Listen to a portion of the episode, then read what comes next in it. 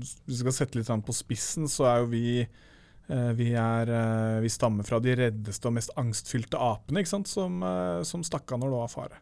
Vi skal sette litt på spissen. Derav så lever vi. ja, Ja, sant. det er, det, er, det er en viktig del av overlevelse, Ja. rett og slett. Så da veit vi jo at angst er et, er et fysisk eller et uh, nevrologisk uh, system, da, egentlig. Altså det, det er noe som går kroppslig. Og, og det er som Tor Arne sa, ikke sant? Det, det, det kan sette seg i kroppen. Det, det kan spenne ikke sant? Det kan spenne muskulatur. Okay, now, from the beginning.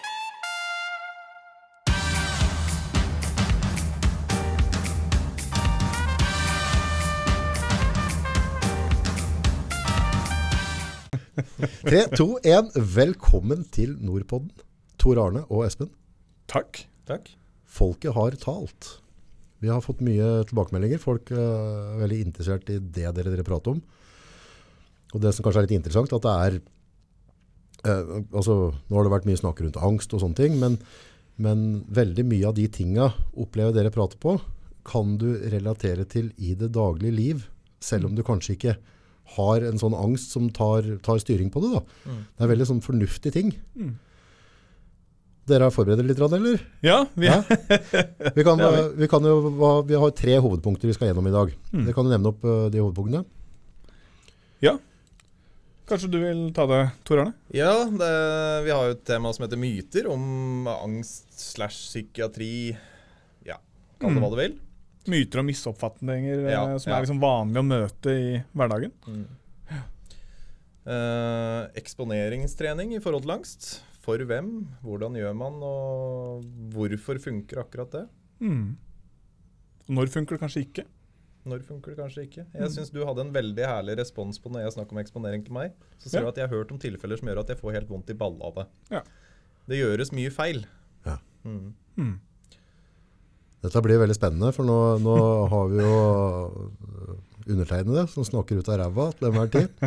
Og så har vi en psykolog, og så har vi en som har vært på andre sida der, som har opplevd det med angst, Mm. og, og er på god vei ut av det, på en måte, er det ikke det? Jo, men jeg har jo i høyeste grad fortsatt masse angst. Ja, men du lever med det på en annen måte. Det gjør jeg. Kan vi hoppe rett på myter? Altså, mm, vi kan begynne med, med deg, Espen. Altså myter, Er det noen myter du møter i hverdagen som er sånn typiske? Ja, altså jeg har gjort to ting. da. Én er jo hva jeg møter uh, ofte i hverdagen. Jeg har jo også på klinikken jeg jobber, så har jeg spurt de, alle som var der, om ikke de ville dele noen myter og noen ting som, uh, som de ofte møter. Så det er jo det jeg har med på en blokk her. Da har jeg tatt med en uh, bunch med myter og ulike ting som folk da har blitt møtt med, eller vanligvis møtes med. da. Eh, Skal, skal vi begynne med Tor Arne og fortelle de mytene du har opplevd? Og skal vi se om du treffer blokka? Vet du, Jeg har lest blokka hans allerede, og jeg kjenner meg veldig igjen i mye av det. Og mye av poenget at jeg tenker at det er nyttig å ta det fram, er at det kan være jævla frustrerende når det du jobber hardt med deg sjøl for å få ting til å gå rundt, og så møtes du med sånne jævla enkle råd med at eh, du må Er det ikke bare er, Jeg som har slitt med angst og følt meg som en hamster som gnager av tapeten på veggen. Er det ikke bare å slappe av litt, da? Ta, bare roe ned litt nå. Kul litt, liksom. Ja. Det er ikke sånn det funker, og den frustrasjonen gjør egentlig at du spiller deg mer opp. mm. Og Det er derfor jeg syns det er litt sånn kult å gå gjennom de der eh, mytene og misforståelsene rundt det på hvordan det egentlig er, og, og hva det egentlig gjør. Men det er ikke sånn med alt, da. Altså, hvis du, skal, du sliter med å gå ned i vekt, da kan du ikke bare spise litt mindre, da? Ja. da, ikke sant? Jeg har skikkelig dårlig råd, da. Kan du ikke bare bruke litt mindre penger, da? Å, det har jeg ikke tenkt på, ikke sant? sant, sant. Det blir akkurat samme greie. Akkurat samme greie. Ja. Er det, er det ikke bare å tenke mer positivt, da? Det er sånn som jeg sier det, vet du. Oi, tenk litt positivt, da. Så er det ikke så lett. Nei. Hadde det vært, og hadde det vært så lett, ikke sant, så hadde jo ingen gått og strevd med dette. her. Altså, Arbeidsledig. ja, jeg hadde vært arbeidsledig. Med glede, for øvrig. Men, ja.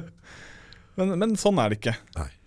Og, og disse mytene og misoppfatningene blir jo fort Ofte fører det til mer skade enn det gjør, eh, gjør godt. da. Mm. Uh, og jeg, jeg- tenker det, det er todelt. En er jo eh, en er jo litt sånn som vi snakka litt om i stad. Og, og, og der, der fikk jeg den tanken om at Noen kommer jo med disse tinga fordi de er litt sånn rådville, eller de veit ikke, helt, vet ikke helt hva de skal si. Mm. Så Da er det lettere å, å, å si noe sånt. Uh, som virkelig ikke er hjelpsomt i det hele tatt, Fordi da føler man seg jo lite forstått. Gjør man ikke det? Men er ikke det menneskets natur da? Jo. Altså, hvem er ikke sånn, du møter en kompis eller noen kjenner, så har du liksom mistet faren sin, eller altså, et eller annet sånn drama har skjedd. Så bare klarer du å si den mest dumme tingen, liksom. Ja. Det, det, det blir så ordfattig, så bare blablabla. Ja. dytter du bare ut et eller annet. Ja. For du føler at du må si noe. Jeg har en egentlig som vi kan diskutere litt, som er litt sånn morsom. Fordi at eh, når jeg var en tur på besøk der du jobber, så husker jeg at eh, nyt dagene på Frisk.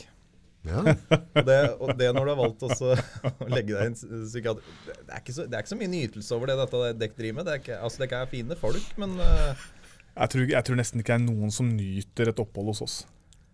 Nei. Det er, det er blodhardt arbeid fra start til slutt. det er det. Ja. Jaggu meg, altså. Så ja, det er en misoppfatning. Det er ikke en, det er ikke en spatur. Nei, nei, nei. Jeg husker jeg hadde en sånn klar tanke i huet mitt om at jeg skulle, skulle reise til dem, og så i løpet av de tolv ukene som behandlinga deres var, så skulle angsten min plukkes av, og så skulle det være et annet resultat når jeg gikk ut. Så klart. Har aldri vært så dårlig. Men uh, det er ingenting jeg er mer glad i. Altså, jeg har aldri hatt en mer uh, lærerik fase i livet mitt enn de tolv ukene. Fordi det er som du snakka om litt sist gang. Når du jobber med deg sjøl, så møter du deg sjøl på godt og vondt. Ja. Og det er noe som bygger en mental styrke. Handler det litt om at en må konfrontere demona sine på en eller annen måte? Altså de, alle de tingene du ønsker å unngå, må du plutselig bare face? Ja. Både, både Både ja, og til og med veldig ja. Kanskje til og med mer presist enn du aner. Det er eh, noen ganger å face de demonene som innebærer å face de vanskelige tinga. Som man eh, har angst for, eller som man strever med, eller gjenopplevelsene, eller det som er vanskelig. Men det kan også innebære å skulle face det dypeste av de, de vanskeligste følelsene i oss. Som vi gjerne undertrykker, eller som vi gjerne setter til side, eller som, eh, som er med på å opprettholde det som er vanskelig. Så, eh, så ulike nivåer av demoner, og virke, ja, men ja. Det handler litt om å face demonene sine. Og det, det krever litt pondus å gjøre det. Ja, er det sånn, du har jo på en måte kjørt et løp, men Mm. er, det, er det noe med at um, der igjen så er det mis Hvorfor kan du ikke bare ta en behandling? Kan du ikke bare, er det noe med at rett tid og rett sted òg? At du må på en måte være i, i, det, i det, det kapitlet som du er mottakelig for det? Ja. Litt sånn som, eh, sånn som de gjør de kristne, holdt jeg på å si, at de passer på å prøve å kristne deg når du er skikkelig trist. Ellers ellers er du ikke mottakelig. Nei, men det tror jeg definitivt. Altså, det er veldig avhengig av hvor langt du kommer i en sånn, ved en sånn innleggelse, da, i forhold til hvor du er når du kommer inn. Ja, for hadde, vi, hadde du gjort dette for ti år siden, tror du du hadde fått samme opplevelsen ut av det? Nei, det tror jeg ikke. Det tror jeg ikke. Da var jeg for låst i mitt eget hue, i mine egne tanker, i stedet for å kunne være i noe. Så, mm. Og det er veldig gjenkjennelig. Det er mange som sier det. Noe med liksom Mm. treffe, treffe når man er i det rette vinduet liksom, til å, eh, for å jobbe med de tinga man strever med. da. Men er det ikke litt sånn med motivasjon generelt da, gutta, at, at, eh, på en måte at eh, hvis du får ånden over deg da, Mm. så, altså, så er, eh, nå skal jeg gå ut og måke snøen på gardsplassen, Mm. hvis du får den ånden, så benytt, ta, ta den tvert da. Mm. For hvis du drøyer den liksom, skal bare ta en kaffe og så ordne litt først, og så, så blir det, for en motivasjon henger ikke så lenge ofte. Nei, men, da kan, men hvis en da skal se litt videre på det, hvis en skal hvis, hvis en tapper meg tilbake tre år, da. Mhm. Jeg har følt meg motivert for å ta tak i eget liv og går til lege og ber om en henvisning. Får man en henvisning? Hvor lang tid er ventetiden på å få den henvisningen? Er motivasjonen en vedvarende greie?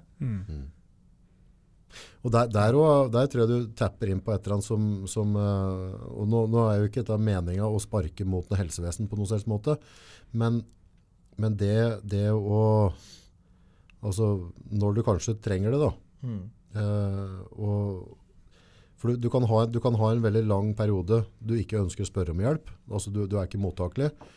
Og da når du faktisk er åpen for å kunne gjøre en forskjell, og, og på en måte forandre livet og, og samfunnskostnader rundt alt, Mm. så, så at vi da skulle hatt et system du, Her har vi rød alarm. Art, art, art, ikke sant? Nå, må, nå må vi passe på.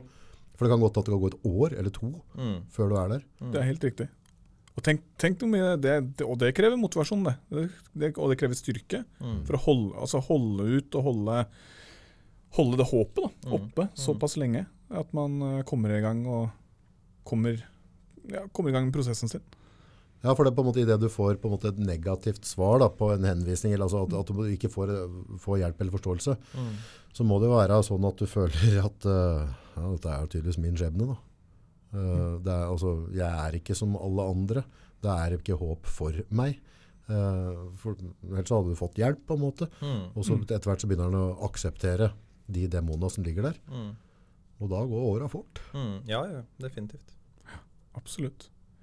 Hva er det som fikk deg til å, å nappe ut pluggen, holdt jeg på å si, og, og virkelig Eh, ja, si det. Da må jeg linke meg litt tilbake at jeg er med der. var. Um, For dette har jo vært et det handla vedvarende vel om å, å bli dritlei nok for min del. For altså um, For meg så ble det en sånn veldig Jeg gikk jo og snakka til lege om det og sa at det var ubehagelig, og det, livet mitt funker ikke. Men plutselig kom det til et tidspunkt som jeg ble vanvittig mye tydeligere. Og jeg sa til legen min at nå skriker jeg, og du må høre. Mm. Men altså, det er jo trøkket som avgjør dette her. Mm. Mm. Men uh, Du følte at du måtte trøkke på litt for at du skulle bli hørt?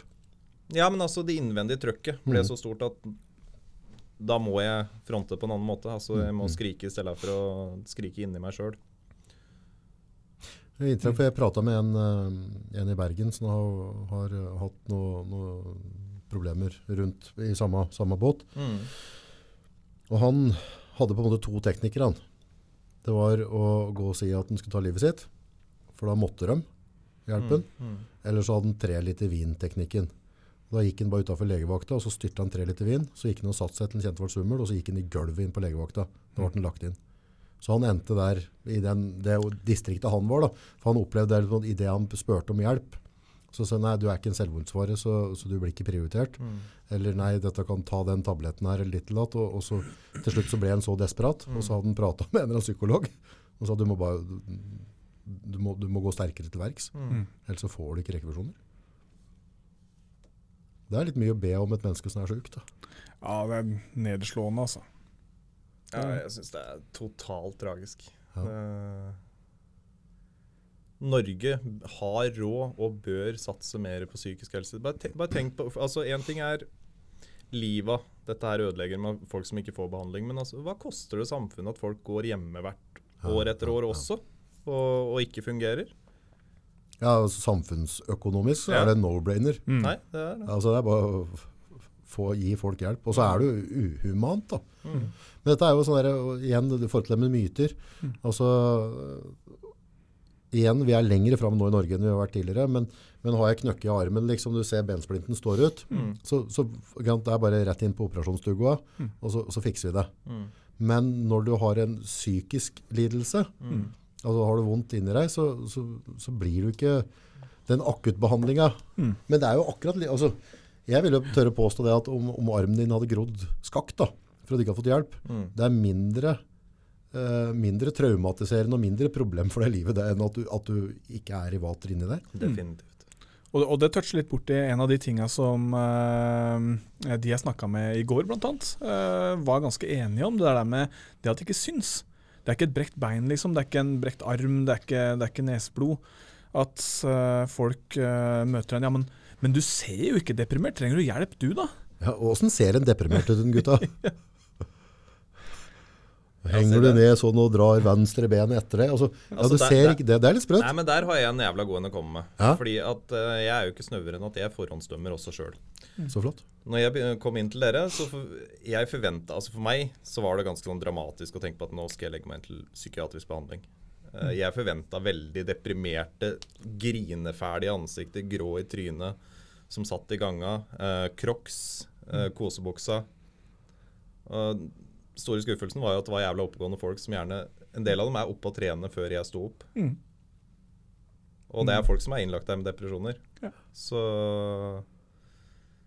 det er der jeg oppdaga meg sjøl at eh, jeg er litt ute etter at andre ikke skal dømme, men det er litt menneskelig å gjøre det. Ja, det er det. Å lage seg et bilde sjøl. Ja, men det er jo fryktelig morsomt da. ja. Jeg sitter på en kaffe, eller bare sitter på gata i Oslo og, og forteller livshistorier på folk som går forbi. Han er driver med det, hun driver med det. og Jeg synes det er veldig gøy. Ja. Jeg tror det ligger veldig i naturen. Ja, hjernen vår gjør det jo det. Altså Hjernen vår er eh, Man kan si hva man vil, men hjernen vår liker å ta snarveier. Vi er jo bygd litt for det. Ok. Så det å stereotypisere eller det å få ha noen sånne eh, forhåndsdømninger eller Det er noe hjernen veldig, veldig lett gjør. Ja. Den, den, fordi det er Det krever ikke like mye av hjernen å forhåndsdømme og stereotypisere Mm. som det det gjør å ta inn over seg kompleksiteten i, i det man møter. Kan, kan det ligge litt i det på en måte at um, det, det å gå og være i en situasjon og ikke vite, Mm. har jeg aldri likt. Altså det kan være sånn Hvis du er i et forhold Mm. som er sånn, eh, nesten sånn break-up eller altså, altså, Det er verken fugl eller fisk. Mm. Da er det nesten så du går og gjør noe dumt bare for å få et brudd. da. Mm. Så har du noe å forholde deg til. Mm. Er det, jeg tror du det kan være noe i det som gjør at vi på en måte ønsker å forhåndsdømme folk? At jeg forhåndsdømmer det, så da vet jeg hvem jeg skal snakke med allerede. Så slipper jeg på en måte å jeg tror det handler om mange ting. Eh, Jeg tror det handler om både biologisk energikonservering. Det krever mindre av hjernen å bare forhåndsdømme og ha en, eh, ha en idé. Tenk eh, hvis, så enkel oppgave som Se for deg en katt. Du har sannsynligvis et sett med ulike former for katt du ser for deg. Du ser sannsynligvis ikke for deg hver eneste bidige nyanseforskjell i alle katter som kanskje eksisterer. Nei. Eh, Det vil kreve veldig mye av hjernen. mm. Eller så tenker man kanskje da på en katt man har hatt i livet, eller noe man har sett på TV, eller eh, et enkelt sett. Jeg tenkte på pusefar nå. Ikke sant? Gamle katten min. Og, og, og hjernen går dit, da. Istedenfor å ta inn, inn over seg den totale kompleksiteten. Mm. Det er det ene. Jeg tror også at det, å, det gir jo mer kontroll. da. Apropos, vi snakka Mm. litt om dette med kontrollbehov og, og kontroll. Vi, vi liker jo å ha eh, ting som er forutsigbart. Mm. Jo mer forutsigbart ting er, jo, jo bedre føles det ofte for oss. Så det å ha hatt et sånn forhåndsdømt bilde eller en forhåndsbilde av noe, gir jo en opplevelse av mer kontroll. Da, Ja. da, da har man liksom noe konkret å forholde seg til. Usikkerhet er jo mye skumlere sånn sett. Der har jo, For å pratet med Tor Arne tidligere, så, så um, har jo, hvis jeg har forstått det rett, så har jo du på en måte fått angst for at du skulle få angst hvis du skulle reise et sted. At, Ja. måte, og det er jo litt sånn der, altså, det uforutsigbare. Mm. Du skal på et kjøpesenter, Mm. men så vet du ikke, det er sånn Kaffetvist og god bingo, om det kommer til å smelle eller ikke. Mm. Og det er nok til å skape nok uro i deg, Ja, ja. til at du overall bare velger å ikke gjøre det. Ja. Det er ganske sjukt, ja, ja. den forutsigbare der. Altså, Vi kan jo linke den nå til, så kjenner jeg at jeg er mer urolig når jeg sitter her med Espen enn når jeg sitter her alene med deg. Ja. Det er nok noe med at da har vi en tredjepart som Mm. Ja, vi har ikke gjort det før, liksom. Nei, nettopp. Så det er litt sånn Jeg skjønner jo, jeg er koko-pipi-doktor, og jeg må alltid være litt urolig da. Litt skumlere enn gjennomsnittet. Ja. Jeg synes det er mye bedre å kalle det koko-pip-pip-doktor, da, da liksom avvæpner du litt. Det litt, litt mer folkelig, Litt mindre farlig. litt mindre farlig. Har du noen myter rundt uh, psykologer? Altså, sånn, du har jo garantert for at du prater litt på det, uh, med hva du skal møte. Og der, der vil jeg tro at veldig mange har en kraftig misforståelse hva en psykolog egentlig er. For Jeg ser for meg en sånn grå gubbe med brillene nedpå der, og så, og, så, og så dømmer han meg på stedet. Ikke sant? Bare stiller meg noen spørsmål sånn mhm, mhm, Ok. Og så er det gjort, liksom. Ja. Hadde du noen tanker rundt psykologa? Um, Altså Der var jo huet mitt positivt vinkla, fordi at skal man til det stedet som Espen jobber, så, som heter Friskstiftelsen, Ja. så må du henvises via DPS. Ja. Og da hadde jeg allerede fått hørt at det er en av de bedre stedene i landet Mm. innenfor behandling. Og da er klart, da dømmer jo huet mitt at ja, her er det bra folk. Uh, men psykologene der er veldig annerledes enn hva jeg har erfart før. Det var det. Ja. Uh, mye andre måter å gjøre ting på. Og Ja, det var veldig annerledes. Før jeg har vært veldig borti sånn kun snakk, gråt, den biten der. Og det var mye, an- dere har mange andre kort å spille på. Har du opplevd Ja. Espen, noen sånn stereotype, altså hvis du sier at du er psykolog, Å altså, oh, ja. ja? Og masse. Og masse. Eh, kan jo ta to ganske vidt forskjellige eksempler som jeg sjøl har opplevd. da. Ja. Jeg, når jeg først var nyutdanna eh, og, og var, eh, var på en fest, fortalte at noen spurte hva driver du med. Nei, jeg er psykolog. da begynte de å rygge unna. Ja. Da ble de eh, det, det var ikke helt trygt. Så, så jeg opplevde det. Jeg har også opplevd dette med litt sånn utseende. Jeg, jeg har flere ganger blitt fortalt at jeg ikke ser ut som en eh, normal psykolog. Uh, når jeg først starta på Fristiftelsen, så, så var det en som spurte ja, men er du, er du psykolog. Du ser ut som en rørlegger. Ja, ikke sant? Så jeg så helt tydelig ikke ut som en eh, psykolog. da. Nei, altså, jeg ser for en psykolog skal være en, en tynn, høy kar med sånn krusete hår som går og vingler rundt og søler litt på kaffen og er litt arrogant. Røyka litt mye under hippietida og Ja, men det er Godt poeng, for jeg har et sånt bilde i huet mitt at skal du være en dyktig psykolog, så bør du egentlig være godt over 50 år. For at det er noe med alder. Det gir tillit. altså Da er du dyktig. Du bør ha litt sånn skjegg. Du bør være gråhåra. litt sånn bustete. Og så har du den andre sida med de kall det, Jeg kaller det gamle tanter, da. De Ja. klassiske psykologene. Ja, ja. Så, Nei, det er litt rart. Uh, men det, det syns jeg er veldig fantastisk nå. um, Altså, verden har jo åpna seg opp uh, med nye typer teorier. Uh, det er mye høyere, høyere under taket i både medisin og, og psykologi på å tenke litt annerledes. Tenke, altså, jeg tror Tidligere så var det noen satte normer som på en måte noen gluppinger har kommet med, og sikkert veldig bra det òg. Det er jo det som gjør at vi er der vi er i dag. Men at det var mye låst. Men nå det virker som at det er enda mer rom for fritenking og ha en større forståelse for at uh, Tor Arne som individ ikke nødvendigvis trenger det samme som meg. Mm. Selv om vi har samme type diagnose. da. At angst er ikke angst. Mm. Absolutt. Og, og kanskje en økt forståelse da, for at som man tenkte før at det var et skille mellom kropp og hode, at det er det jo ikke. ikke sant? Eh, Hode og kropp det er, samme, det er det samme systemet. Der må dere forklare litt, Karer, for det, der har jo dere begge to uh, fra, fra hver deres side. Men hue og Mm. kropp det tror jeg folk har vanskelig for å, å forstå. Ja, ja det, er, det er litt komplekst. Du kan jo kanskje eh, starte du, Tor Arne, og så kan jeg fylle på. Uh, ja, hvor starter man der, da? Altså, min Dra mikken enda litt nærmere. du. Der, ja. Oh. Nei, altså hvis en skal holde seg til angst, så angst kan du oppleve som tanker. Tankekjør. Uh, jeg vil si at det er en form for å forsøke å regulere den opplevelsen jeg har i kroppen ofte. Mm. Fordi at du, om du kjenner at du er sint, så kjenner du stort sett det i kroppen. Når Ja. du kjenner at du er trist, så kjenner du det i kroppen. Følelser, det, det oppleves i kropp. Det oppleves ikke i tanker. Men tankene farges av følelsen du har. Mm. Er jeg i nærheten av noe? Ja, veldig enig med deg. Og mye av det jeg opplever, er at angst gjør at du setter sperrer i kropp. Mm. Um, sperrer da i form av muskulatur og kanskje også skjelett, det vet jeg ikke. Men, Knyter deg, liksom. ja, ja. Ja. Det er jo som jeg har sagt til deg før, jeg sitter jo aldri godt her. Nei. Tusen takk. Så ålreit var jeg, liksom. men, nei, ja, men altså, det er ikke sånn. Men, Nei, altså, men altså, kroppen min har vent seg til en sånn positur som den vil egentlig ikke sitte. Mm. Fordi jeg husker psykologen som Det her var ikke psykologen jeg var til på Frisk, men han sa til meg at kroppen din aner ikke hvor langt den skal falle når du gir slipp. Mm. Der kan du hoppe inn på Åh, dette er, jeg jeg syns jo dette er stort felt, da. Ja. Digert. Uh, så vi, vi kan se både angst og kropp som, eh, som flere ting samtidig. En er jo at angst er Angst er jo signalet kroppen bruker for å varsle om at fare er på ferde.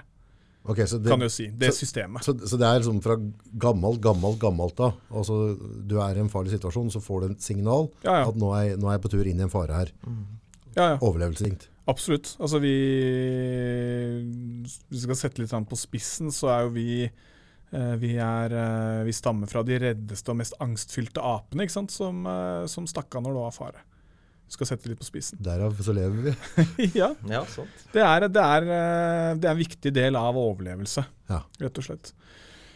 Så da veit vi jo at angst er et, er et fysisk eller et uh, nevrologisk uh, system, da, egentlig. Altså det, det er noe som går kroppslig. Og, og det er som Tor Arne sa? Det, det, det kan sette seg i kroppen. Det, kan spenne? Det kan spenne muskulatur. Uh, det gjør alle mulige ting med både innvoller Du kan bli tørr i munnen, svett i hendene, hjertet går fortere. Og, og der er det også som eh, Tor Arne sier, at det med tankekjør blir jo en måte å prøve å regulere det ubehaget på, eller prøve å jobbe med det som skjer på innsida. Og så har du mer komplekse former for angst, eh, som, som kanskje ikke snakkes så ofte om, okay. men som vi også begynner å få øya mer og mer opp for. Eh, jo høyere angsten går, eller jo mer alvorlige systemer angsten slår inn i. Dette med løs mage, kvalme, eh, kvelingsfornemmelser, tåkesyn, piping i øra, svimmelhet, eh, totalt tap av styrke, energi, eh, lammelser eh, osv. Når du, Som når du masse sier lammelser her, Mm. kan folk bli fysisk lam? Ja, det kan de. Du klarer ikke å løfte armen? Klarer ikke å løfte armen. Tomt. Møtt folk som sitter i rullestol pga. Nei. angst. Ikke, det er ikke tull. Det er systemet er slått ut så alvorlig at de har rett og slett altså den viljestyrte kontrollen over musklene sine kutta. Jøss. Men det vil jo si Espen, at da går det ikke an å bare ta seg sammen og tenke annerledes, da. Det er helt riktig.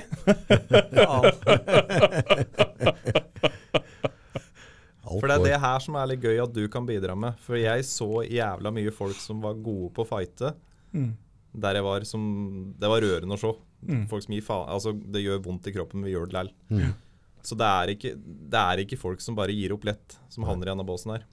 Nei, altså, de er øh, jeg, jeg, jeg kan med hånda på hjertet si at jeg veit ikke om jeg hadde vært like sterk i samme båt, for å være helt ærlig. Nei. Det aner jeg ikke. Nei. fordi det krever mye. Det krever mye både å holde ut og på en måte være sterk så lenge, på et vis. Ja. og da samtidig ta, ta opp den kampen, fordi det er kanskje også en, eh, et kjennetegn. De fleste som er hos oss, de har jo gjerne fighta i mange år. Mm. Det, er, eh, det, det er ikke noe nytt som har kommet. Det er, eh, de har gjerne holdt den kampen gående lenge. Du blir jo sliten av å være redd. Ja. Altså Hvis du går og er redd nå. Og det, det blir litt sånn der, I den tida vi er nå, med, med C19-tida og det, Mm. det som viruset rundt, så vet jeg at jeg bare spådde litt. Jeg tror til å begynne med så kommer folk til å være helt fanatiske. Holde avstand ditt og datt og styre og stell. For da er det en slags angst som har spredd seg over hele Norge. Mm. Vi, vet, altså, vi vet er det farlig, er det ikke farlig, skal vi høre på det? Skal vi høre? Altså, de, de skaper jo Mm. Eller et sånn type pandemi skaper jo en, en frykt, da. En angst hos folk. Mm. Og, og så tenkte jeg sånn bare, i dette to-tre måneder, så begynner folk å bli lei av å være slitne for angsten sin, Mm. og så begynner de å gi faen. For vi kan, vi kan si så mye vi vil at vi driver med uh, smittevern, altså. Stikk opp på mølla her nå. Gidder du, eller? Mm. Sosial, altså de står for at nå skal vi minimere nærkontaktene dere. Så går de med bumper shoulder til shoulder oppå der. Mm. Så går vi rundt med, med masker som er helt ja, som, Vi skulle hatt noen andre. Vi skulle hatt noe bedre. ikke sant? Mm. Men uh, Det er jo en annen diskusjon. Men den der, eh, folk må, altså hvis du går med angst i mange år, du må bli jævlig sliten av det. Ja. ja, og tenk deg da, tenk deg hvor mye, kropp, altså, tenk deg hvor mye kroppen kjøres av, eh, av å være aktivert hele tida. Mm. Altså, se for deg at du er i en non-stop treningsøkt, liksom. Ja. Hvor lang tid tar det før, eh, før det begynner å bli jævla kjipt å gå og bære på? Ja. Ja, og det ser du på en måte de Toppidrettsutøvere de er jo trent med både psykologer og trent seg opp fra Mm. barndommen av Mm. for å klare å ligge i, i, i feltet. Da de egentlig kroppen sier at nå skal vi stoppe, så har de den pushe-greia. Mm. Eh, Så det krever jo om sin mann eller kvinne å klare å stå i dette der. Mm. Ja, det gjør det, altså. Virkelig. Men det med frykt og angst, da, der er det litt sånn interessant. Mm. Um, eller veldig. Og, og der er, jeg har jo hørt noe som uh, forhold til hvis du skal oppholde et foredrag eller et eller annet, så, så de aller fleste kjenner litt på det der, ikke sant? Mm. La oss si at vi nå skulle vært ute, skal vi prate for 10 000 mennesker, så skal vi sitte her nå og så prate på direkten. Så hadde vi antagelig kjent det mer enn at vi sitter her nå. Men det, det noen da sier, den som driver med psykologien rundt dette, er at kroppen klarer ikke å skille på frykt. Mm. Så hvis du på en måte har en frykt, da, si at du, du har en frykt for å gå i postkassa, Mm. eh, det holder deg. Frykten min er for å hoppe fra tieren. Så er den frykten samme, for kroppen skiller ikke. Altså, altså Frykt er frykt, og om det er en bjørn som skal drepe deg, eller om det, om det er bare sånn trivielt at du sier noe dumt, Mm. så, så oppleves det.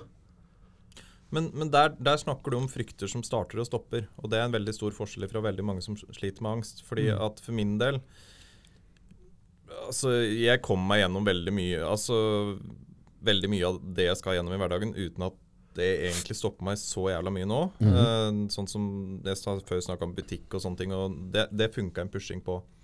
Men jeg har fortsatt ingen kropp som kan sette seg ned og nyte livet. Mm. For altså det, Og jeg kjenner ikke da Jeg kjenner ikke konkret på noe frykt i kroppen min. Men jeg kjenner på en uro og en, som Espen sier, en aktivering. Altså en kropp som står på, som På en måte så bruser den energi, men det er ikke energi i form av Oi, her mm. har vi masse Skjønner du hva jeg mener? Mm. Og det er den der som er uh, veldig vrien å angripe. Ja, ja du kan si, og, og frykt, frykt så har man jo gjerne et eller annet konkret. Da Da, er det, da er det gjerne et eller annet uh, håndfast eller et, et eller annet som du kan på en måte peke på. Angsten trenger jo ikke ha noe konkret. Den, den kan på en måte drive og varsle om fare uten at du altså det, det, Jeg ser ikke noe fare her, jeg veit ikke hva som er farlig, hva er det som egentlig skjer? Man står der og driver og jobber allikevel. Mm. Så det blir jo veldig det blir komplisert for hjernen vår òg, fordi den, den, får, den får beskjed om at nå er det fare på ferde. Mm. Men den finner jo ikke faren, da. Nei. Så han, han strever. Men faren oppleves som om du skulle stått en sulten isbjørn der. Altså, du, får, du får samme fornemmelsen, men, men du har ikke noe å si at der er faren. Altså, du, du får følelsen av at et eller annet grusomt kan skje. eller Altså, du får en angst for et eller annet. Jeg ønsker å fjerne situasjonen, men, men du, har ikke, du har ikke noe å sette fingeren på. Det er dette som gir meg angsten. Altså, han kommer bare fra blå himmel. Ja. Ja, Og så tre, trenger det ikke være den samme følelsen som isbjørnen som står der Nei. heller. Det kan være, det kan være mye annet også, ikke sant. Mm. Eh, for min del så kjenner Min opplevelse er mer en sånn stressfølelse. mm. Mm. Og, og det er mange som lurer på sånn Ja, men, jo, men hva er det som gjør at det blir sånn Ja, nei, ja, jeg kan begynne å gjette. altså, jeg jo, altså, noen ganger så kjenner du hva som slår deg ut, men, men det er akkurat som det virker som Jeg er ikke noe glad i det ordet kronisk. Jeg vil heller ikke bruke det. Men altså, det, vil- det virker som at du, du virvler deg inn at du kommer i en sånn spor sånn at den, sånn at den bare blir på. Mm. Og at du da må jobbe den av igjen, fordi jeg snakka litt om yoga. Ja. Um, fordi det blir, du blir i en sånn tilstand som en, han er der. Ja. Han er på. Og så er det jo, og det, det kommer vi sikkert inn på etterpå også, dette med eksponering. Eh, fordi det er alltid spørsmål hva er det som driver angsten? Altså, Mm. hva, er det som, hva er det som driver og skjer? Og det er ikke sikkert at vi har tilgang så lett til hva det er som driver angsten. Noen ganger så kan det være følelser. Det kan være ubevisste følelser. Mm. Det gjør det ganske komplisert, da, kan du si. Uh, så uh, Og i tillegg til det, så er det ikke sikkert at vi opplever det som angst, det som skjer.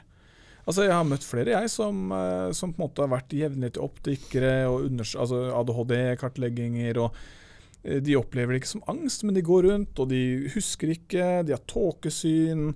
De skjønner ikke altså de, de er liksom Hodet er bare ikke med. Eh, og så tar det litt tid, og så skjønner man at oi, ja, ok, det er angst dette her, ja. Ja, ikke sant? Så når man får regulert det ned, og får jobba med det, så bang, plutselig så var synd tilbake, og oi, jeg husker ganske mye. Jeg var ikke så, oi, jeg er ikke så dum som jeg trodde jeg var. Eh, jeg har faktisk plutselig, plutselig tilgang til alle disse tinga. Mm. Men det tenker vi ikke på at det er angst. Nei. Det snakker vi ikke om som angst. Nei, for du kan ha fy fysiske ting som hindrer deg, men du visste at du, du var ikke klar over at du hadde med angst å gjøre. Ja. Det er Rett og slett. Mm. Huh.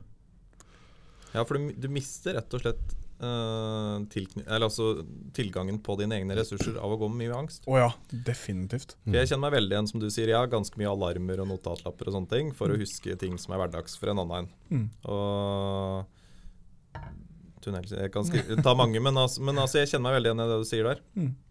Eh, mm. Interessant. Det med at den faktisk på en måte at du, For du tenker angst som at du må sitte og puste i en pose, ikke sant? Mm.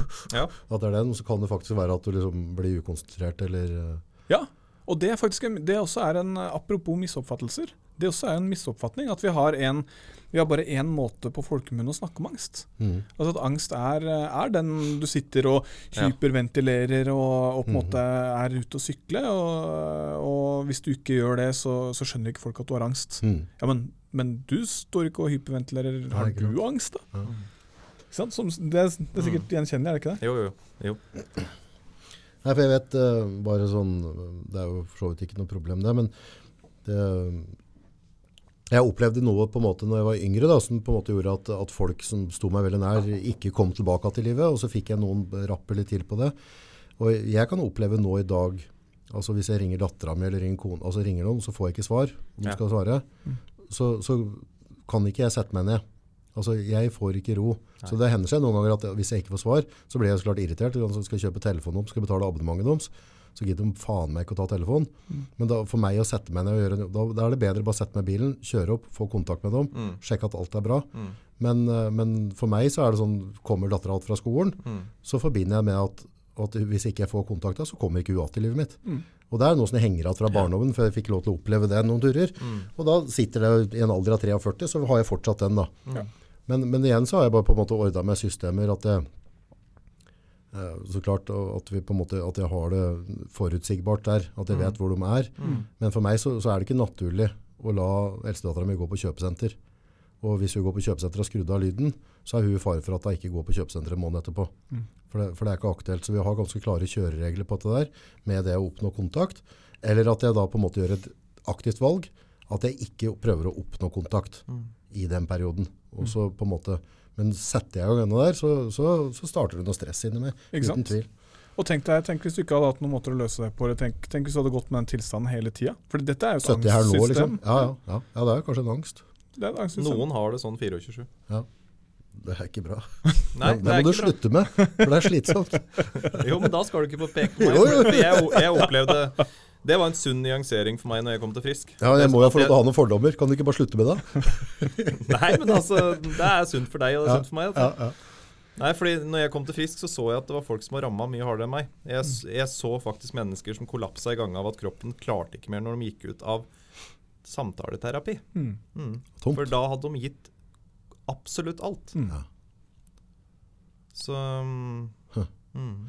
Ja, nei, så det er jo noen fine teknikker på dette. Da. Så, så den, Jo, men det er det jo klarer just at det fins ikke teknikere på alt. Og det, det er det som er litt kult med å snakke med dette. At, fordi at når man kommer med et problem som er psykisk, så skal vi alltid låse det og løse det innafor en fysisk boks. Mm, For da klarer vi å forholde oss til det. mm. Men det fins ikke Altså, det tar lang, jævla lang tid å jobbe for å kanskje komme til det svaret. Mm. Ja, jeg tror nok, altså, sånn, for jeg løste det på min måte da jeg var yngre, med at jeg ikke hadde noen folk rundt jeg var glad i.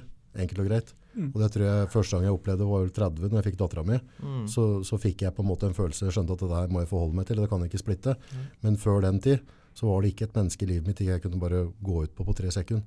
Jeg slapp aldri noe tettere på. For jeg gadd ikke å gå og føle på at det er, og være usikker på om du kommer att eller ikke kommer att. Så, så, så jeg valgte å løse det på den måten, og det funka for så vidt for meg. Da har jeg overlevd i hvert fall.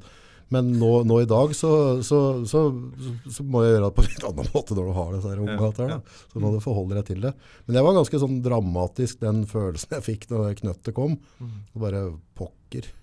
Dette her eh, klarer jeg ikke snu ryggen til med det første. Så, så det var en sånn veldig sånn svakhetssak. da. Mm. Så, så jeg tror jeg bare løste det på den måten. Svakhet? Svakhet, ja.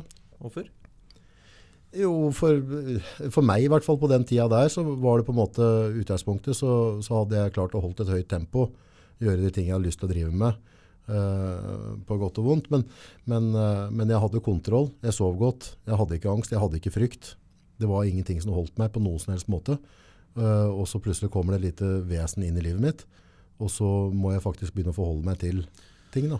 Det er da du begynte å leve igjen, vet du, August. Ja, for absolutt. Så det har jo på en måte vært en, en veldig sånn opptur etter det. Men det var jo tre-fire tøffe år, så jeg måtte på en måte jobbe litt med meg sjøl der. Sånn, sånn at jeg møtte noen type sånne forhold, og følelser, være glad i folk og drive med sånne ting. Og det, det er jo ikke alltid like artig å gjøre det. Så, men det kan jo være greit òg. Jeg er veldig glad jeg har dem nå. Da. Mm. Ikke sant? Men jeg sitter ennå, for å si sånn, så får jeg ikke, hadde jeg ringt hun og hun skulle vært på, på CC eller på, på Mølla eller annet, og hun, jeg ber henne ha telefonen på og ikke tar den, så, så, så er jeg, da går jeg i krigen med en gang. Mm. Ja, så, uten tvil. Det vil jo si at eh, du bærer jo disse tingene med deg fortsatt, ikke sant? Det er ikke Jeg tror du bærer med deg i livet ditt hele livet. Jeg tror ting, Opplevelser tror jeg setter seg i cellene dine. Mm. Jeg tror vi, altså På samme måte som du med din angst. Mm. Jeg tror du vil alltid være med deg uansett. Og så Ja. er det bare kunsten også å finne en måte du kan leve av. Men hvis Kan jeg bruke eksempelet ditt? Ja. Hvis Si at du får en sak sånn som August, da, Mm. og, og du kan jobbe med den personen. Er det sånn at den kan da Den koblinga som skjer, som skjer så jævlig fort, ved å jobbe med følelser rundt det som egentlig er traume, Mm. kan da sinke den prosjekt, prosessen som egentlig skjer når det du Ja. blir retraumatisert? Er det det du egentlig jobber med? Ja, altså man, man kan i hvert fall redusere intensiteten i hvor hardt, hvor hardt det rammer. Hvor, hardt, uh, hvor hardt det gamle slår inn. da. Mm. Fordi, for det, er, det som du sier, det er noen gamle følelser, det er noen komplekse greier som da vekkes opp Mm. i nye situasjoner. Og så vil det også vekke måter å, altså behov for å håndtere det. Mm. Altså, ikke sant? Da, da blir det ikke en måned på kjøpesenteret hvis ikke telefonen er på. For å trygge sånn at, sånn at du slipper å gå i de følelsene Ja. på nytt. ikke sant? Ja, for hun kan jo ikke forstå det. Altså, hun skjønner ikke hvorfor jeg reagerer. Nei, altså, Fordi det handler mer om deg enn om henne, sånn Ja. egentlig. ikke sant? Ja, jeg er snart 13 år, liksom, så jeg er ganske nordbolt å forlatt litt. Å, stakkars svigersønn. det blir nasty. Nei, men det er litt rart. Altså, jeg jeg prata med en annen en som, som har vært gjennom noe, noe greier i Forsvaret rundt det der, og så plutselig så bare så drev og prata om den følelsen, så fikk jeg den følelsen. Så, så det, er, det er ikke lenge siden jeg kobla, kobla den følelsen der. For, jeg bare, for meg så har det bare vært helt naturlig. Jeg har kontroll på dem rundt meg, og jeg går i ilden når det skal være, hvis det skal være noe. Om jeg skal rive hele CC, så får det bare være. Finner jeg gjør uansett. Men, eh, men eh, så plutselig tenkte jeg bare, faen, det er for noe tull egentlig. Jo, stemmer det. Mm. Jeg hadde noe mareritt om dette da jeg var liten. Og så er det jo egentlig bare det som henger på i en alder av 43. Da. Mm. Ganske rart. Og det er litt sånn det er da, med de opplevelsene vi har, og, og i hvert fall når det er Jo sterkere det er, altså jo, jo skumlere det er, jo mer ubehagelig det er, jo, jo hardere det slår oss, jo større behov har jo for å håndtere eller kontrollere det. Mm. Uh, og er det stort nok eller sterkt nok eller aktivt nok, så, så kommer man til et tidspunkt hvor man ikke får kontrollert eller håndtert disse tingene på en naturlig måte. Og da blir man mer stuck i disse tingene. Ja. Tenk hvis eh, alle de tiltakene du gjorde, ikke roa deg. Det fortsatte å drive på. Ja, ikke sant? Den Ja, samme får ikke lagt det. intensiteten. Ja, nei, da hadde det vært uholdbart. Hvor mange år hadde det gått da, før, eh, før dette virkelig begynte å uh, ta knekken på deg? da, ikke sant? Mm. Er, er det da man ofte ender lett med rus eller alkohol? Ja, fordi, fordi det, det er da en måte å, å håndtere altså For det er jo igjen også en måte å håndtere ubehaget på innsida. Bedøve det vonde, eller bedøve det ubehagelige. Det er jo forskjellige mestringsstrategier. Det er akkurat det der. Så har du noe med å opplyse dem litt rundt seg. og For jeg tror kona mi har nok aldri Jeg er ganske sikker på at jeg ikke har fortalt av det. At hvis hun er ute på et eller annet med enten ute og kjører bil, eller altså driver med et eller annet, og jeg ringer og de da velger å ikke ta telefonen, om det er for at det er litt småpist på meg, eller noe, men jeg tror ikke hun er klar over hva hun har satt i gang mm. inni meg. For, for i hvert fall mye av de damene jeg har vært borti, så, så er det en, sånn der, en kald skulder eller ikke svare eller gi blaffen og ta telefonen eller noe. En veldig sånn uh, normal måte å gjøre det på. da. Ja. Uh, men jeg tror ikke hun har vært klar over på en måte eh, på, på hvilken måte det provoserer. Men det Tor Arne pratet på i stad, er veldig interessant med det med å øh, jobbe med fysisk for å løse opp disse her. Der var det annet en som var øh, noen posttraumatisk greie, øh, som hadde kommet inn til noen spesialopplegg i Forsvaret, om å jobbe veldig fysisk med han for å bytte ut. Altså de, de trigga fram noe greier og fikk liksom det som lå igjen inngrodd av type angst og følelser i, i reptilhjernen vår, fikk det fram i prannelappen, og så jobba de da med å bytte ut det for å nettopp få ut. Er det noe av det, den type dere driver med? Ja, på, mange, altså på en måte. Uh, for det er, mange, mange, det er mange måter å jobbe på, da. Uh, en er Man kan gjøre noe fysisk. Uh, og og jeg, jeg tror kanskje det sentrale som du er inne på der, er jo dette med følelsene. Ja. Og her kan sikkert Tor Arne også understøtte. Ja. Eh, at, at det å på en måte vekke det, og så jobbe med det i en, i en situasjon hvor man eh, kan både utfordre det, jobbe med å tåle det, hjelpe kroppen, nervesystemet, med å klare å bære det som skjer der, Mm. for så å lagre det litt annerledes igjen. Ja. Eh, og jeg har eh, Altså, én er jo samtaleterapi. Da kan man gjøre det samme bare med samtale. Trigge i gang kroppen, trigge i gang eh, alt som skjer på innsida, nok til at man kan Det, det blir såpass fysisk, da. Mm. Uh, men jeg driver også med en form for bokseterapi, hvor, det- hvor det er faktisk ordentlig fysisk. Mm. Uh, men man gjør det samme, da. Man jobber da med å aktivere nok av uh, vonde, gamle ting, eller blanda følelser, eller undertrykte ting, eller hva enn. Der tror jeg mange detter av, Espen, når du sier det. Ja. Aktivisere vonde ting. Oi, jeg står og bokser, og jeg, følelse, det skjer noe i følelseslivet mitt av at jeg står og bokser. Hvordan i himmelens navn skjer det? For det skjønte jeg egentlig ikke helt sjøl før jeg sto og gjorde det. Nei, supert. Bra du, bra du sier det. Ja. Eh, der er det jo mange ting. Én er jo aktivitet i seg sjøl gjør jo at eh, kroppen blir litt mer res res responsiv. Det som er det fine med bokseterapien, er jo to ting. Én er at man gjør noe aktivt sammen med andre. Vanligvis så har man jo mange av disse skadene eller mange av, disse, mange av den vanskelige angsten eh, kommer jo som følge av noen skader sammen med andre. Sånn som du, August. Mm. Det å miste noen. Jo, Det, jo, det er en relasjonell ting. ikke sant? Så det å da gjøre noe relasjonelt, det vekker følelser som eh, er gamle, som, eh, som henger sammen med det. Eh, og eh, i og med at alle disse følelsene er veldig fysiske, og man gjør noe fysisk da sammen, så, så holder man det gående. Holder det gående inni kroppen.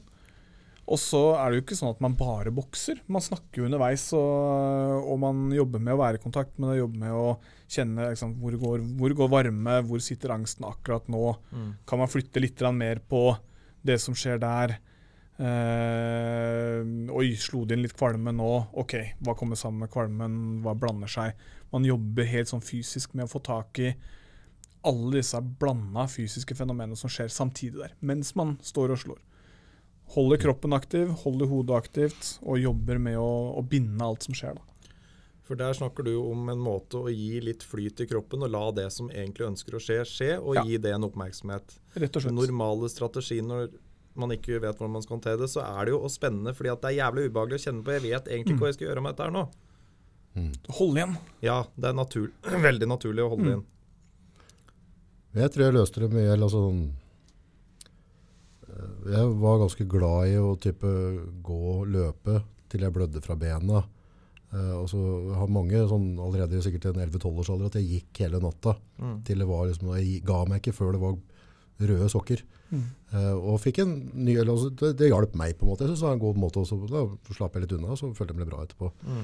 Så jeg tror, så jeg tror det er ganske mange som på en måte kan på en måte putte seg selv i harm's way, eller dytte på litt. da. Mange. Som, eh, som på en måte egentlig flytter litt fokus fra, fra det tankekjøret, da, for eksempel. For det er jo ikke akseptabelt å gå. Og jeg tror på en måte, Nå, nå skal ikke jeg bruke meg som normal, det, men, men eh, derfor ikke jeg har lidd av søvnløse netter og angst, og jeg tror at uh, ganske tidlig alder så fant jeg ut at her må jeg bare, må jeg bare jobbe, jobbe tungt. Mm. Her må jeg bare klemme på. Hadde jeg satt meg ned og følt det, det er samme tanke som skal du gå til en psykolog og prate om et eller annet, vil du egentlig åpne Pandoras eske? Altså, hva, hva ender jeg opp med å bli i andre enden? Så for jeg har brukt dette som en vanvittig energi. Ellers så kunne du risikert å slippe inn folk før du var 30 da, i livet ditt. Ja, det òg, ja.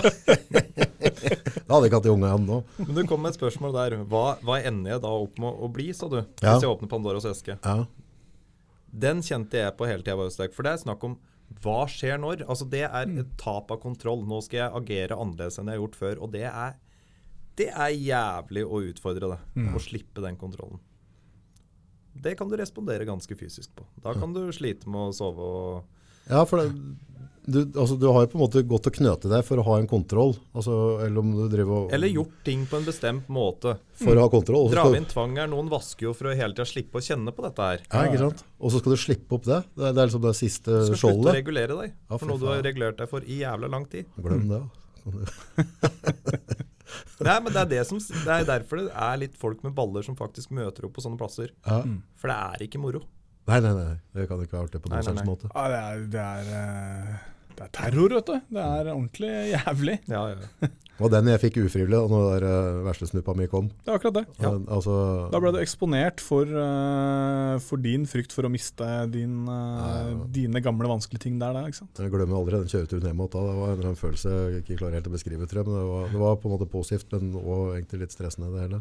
Mm. Det var en merkelig, merkelig situasjon å komme i, for å si det sånn. Mm. Så, er det andre måter folk regulerer dette på? Som på en måte, for det, jeg mistenker at det er veldig mange som på en måte, som meg da, som kan kanskje ha et snev av et eller annet, Mm. men på en måte får det til å funke lell da.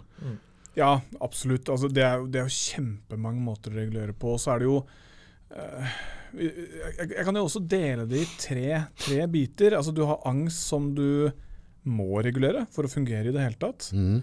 Uh, og som du i møte med, med behandlingsapparatet, de vil hjelpe deg med å regulere det.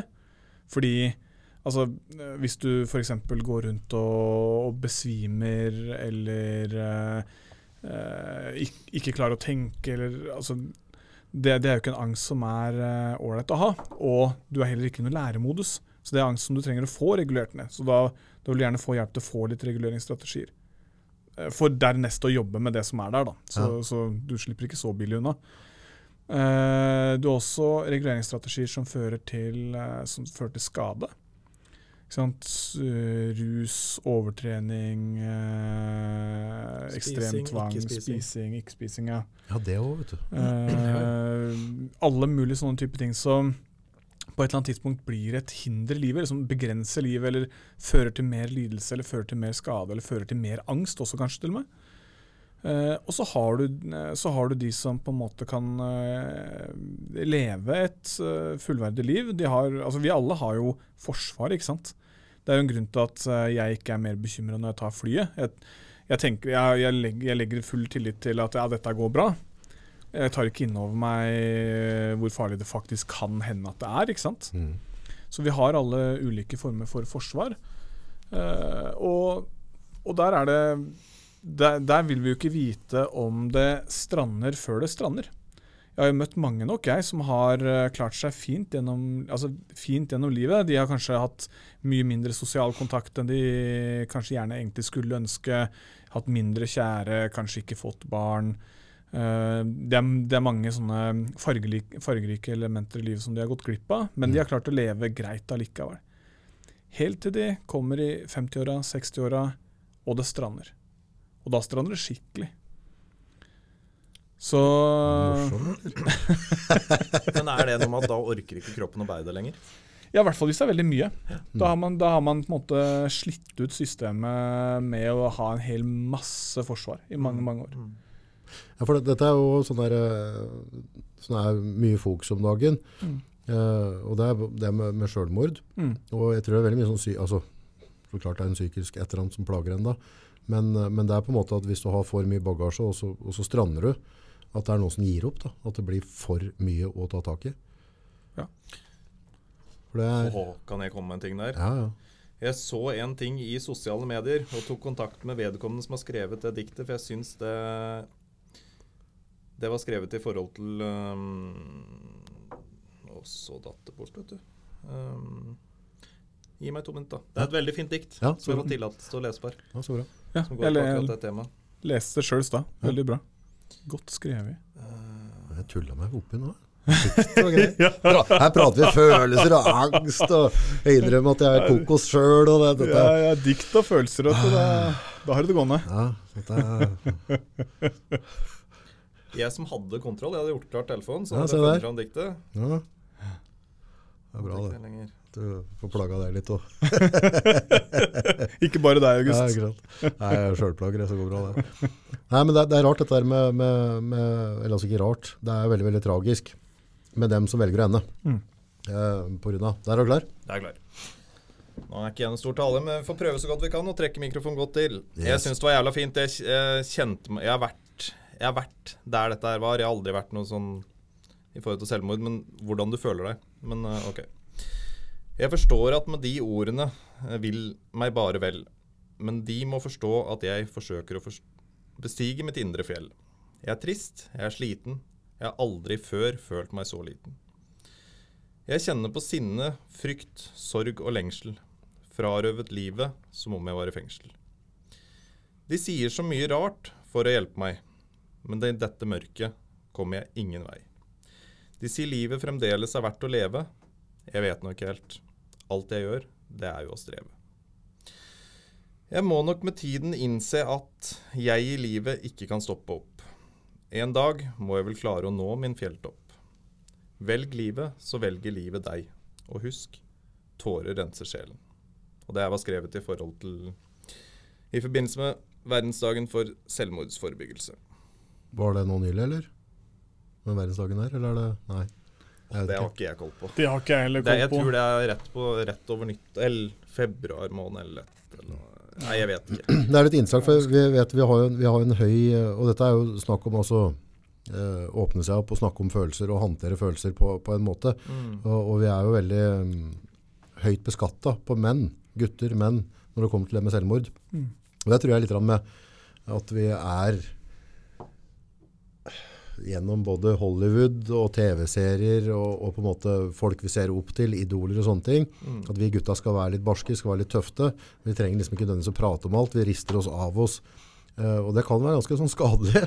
Eh, for det må, jo, altså det må jo være en grunn. Det må jo være et eller annet i, i språket vårt, måten vi håndterer situasjoner, som gjør at vi på en måte er så overbeskatta på mannssida.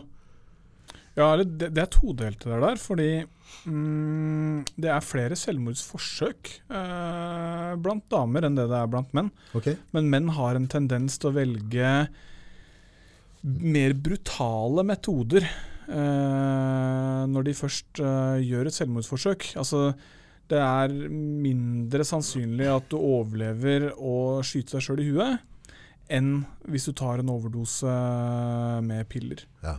Eh, sånn at eh, menn har en tendens til å velge Mer dramatiske måter. mye mer dramatiske måter, altså. Ja. Uh, så, uh, så derfor så vil, vil statistikken bli, bli litt sånn. Hm. Men det er uh, sist, sist jeg leste statistikk på det, så tror jeg det var dobbelt så mange kvinner som gjorde selvmordsforsøk, seriøse, som Oi. var registrert. Ja. Ja, Da er du ikke så langt ifra noen likevel. Da. Så det er ganske, ganske jevnt allikevel. Men Ja. eh, Ja, og så kan det, er det mange som liksom på en måte mye av selvmordsforsøka. Noen ganger så kan det, kan det på en måte være gjort på en sånn måte at det er et ekstremt skrik for hjelp på. Mm. At den på en måte delvis mener Altså, nå, nå er jeg så langt, Mm. så hvis jeg ikke får hjelp nå, så, så for Jeg tror det er veldig mange typer forsøk som kan være og Ikke det at jeg skal undergrave dem som har, har gjort det, på en måte. Også, jeg tror alle har jo et, et eller annet tidspunkt i livet tenkt på selvmord, tror jeg. Mm. Har ikke det? Nei. Nei. Jeg tror mora mi vi pratet på, jeg husker ikke det så godt, men det var 10-11 eller et eller annet. Da, måtte fysisk, da skulle jeg i skogen og, og henge meg opp. Og måtte fysisk øh, håndgemeng og holde meg fast for å hindre det. Mm. Så, så for meg så har det vært helt naturlig på en måte å, å tenke på om du, altså, hva er vitsen med dette livet. Da. Mm. Så, uten at det er noe dramatisk i seg sjøl, men, men det, jeg tror jeg, jeg var- trodde det var sånn, at det var ganske vanlig. Ja, det er ganske mange som er innom tankene, i hvert fall. Og jeg, jeg tenker jo Har man det så vondt, eller uh, misliker seg sjøl så hardt at, uh, at man uh, er liksom stuck på selvmord som en løsning, så trenger man jo hjelp uansett, på et vis. da. Ja. Altså da, da, da har det gått ganske langt. Ja, det er ikke noe sunn- sunnhetstegn. Nei, vi er, vi er jo på en måte ikke bygd for å ta livet av oss sjøl, på en måte. Altså vi, vi gjør jo det vi kan for å leve, så når vi klarer å overstyre det, Mm. så er det jo heftig Det er jo heftig i seg sjøl, da. Mm. Mm. Det er ganske sprøtt at det er så mange som velger å gjøre det årlig. Mm. Mm. At vi ikke på en måte får plukka det opp. Men så er det litt som du prater på der, og, også det der tid og sted og mottakelig for hjelp. At, Mm. at, for jeg tror mange av de tilfellene der så, så går de og bærer ting inni seg og ikke deler. da. Mm. Og Det er jo derfor det er så fint at det blir mer og mer åpenhet. Sånn som Mm. det vi gjør nå. Det, det med å snakke om det, det med å, det med å se, se at det er, det er mer normalt enn man tror. Mm. Altså det, det er mange flere som strever enn det man skulle tro. Det er bare det at vi har, ikke- alle, alle som strever, går jo ikke rundt og viser det. Men vi har ikke krykker, vet du. Nei, Nei. Og, og det er litt sånn som uh, Tor Arne sa i stad, at uh, kom til oss, og, og det, er, det er jo hos oss det er umulig å se hvem, hvem er pasient, hvem er behandler. Ja. Altså, det, er, ikke- det er ikke noe som syns. Nei. Og veldig mange, veldig mange gjør jo sitt for å skjule det også. ikke sant? Folk har jo ikke lyst til å, å framstå som lidende eller Det er, det er ikke en ålreit uh, posisjon å være i det heller. Så folk gjør det de kan for å for å smile, for å, dra, for å liksom tenke positivt og, og, og på en måte mm, være de normale, flotte menneska de er. Det er kanskje litt naturlig det òg, at, at fra gammelt av at du vil ikke framstå som et offer. Mm. Altså i plukkekjeden i hierarkiet fra gammelt av, så, Mm. så på en måte bare OK, jeg er syk og svak, liksom. Bare Mm. plukk på meg. Ja. Jeg får ikke gitt det igjen. Jeg tror ikke det er noe, noe Men der kommer du inn på det vi egentlig starta med, da. Den mm. mytelappen din. Ja. Nå har jeg venta litt på noe Ja, Ja, ja, ja. Riktig, riktig. Ja, gå gjennom mytene. Skal jeg gå- ja. Din. Skal jeg gå gjennom mytene og høre litt uh, hva dere tenker om de? Så nå, er det, nå har jeg skrevet ned mange, da. Eh, Jeg har ikke skrevet ned alle heller, Uh, fordi det blei allerede såpass mange som er. Ja. Uh, Så jeg, jeg leser dem opp, og så, og så kan vi jo gripe tak i noen av de som dere kjenner at gnager litt i talebeinet deres. Så første, se positivt på det. Eller bare å tenke annerledes. Du ser ikke så deprimert ut. Er du virkelig det? Eh, en stor stygg en er eh, det med eh, psykisk sykdom utelukker fysisk sykdom. Altså, nei, men du har jo angst. Det kan ikke være noe, det kan ikke være noe gærent med deg. Det er sikkert angsten. Gå, gå hjem og hvil, du. Det er, det er ikke hjertet ditt. Det er angsten. Som, kan, som også fagfolk kan uh, ty til. da. Det er lett å tenke at nei, men det er sikkert ikke noe, det er, det er sikkert ikke noe skade ikke på deg. Er, på er, er du sikker på at det ikke det er bare angst, da? bare. Ikke sant? Ja.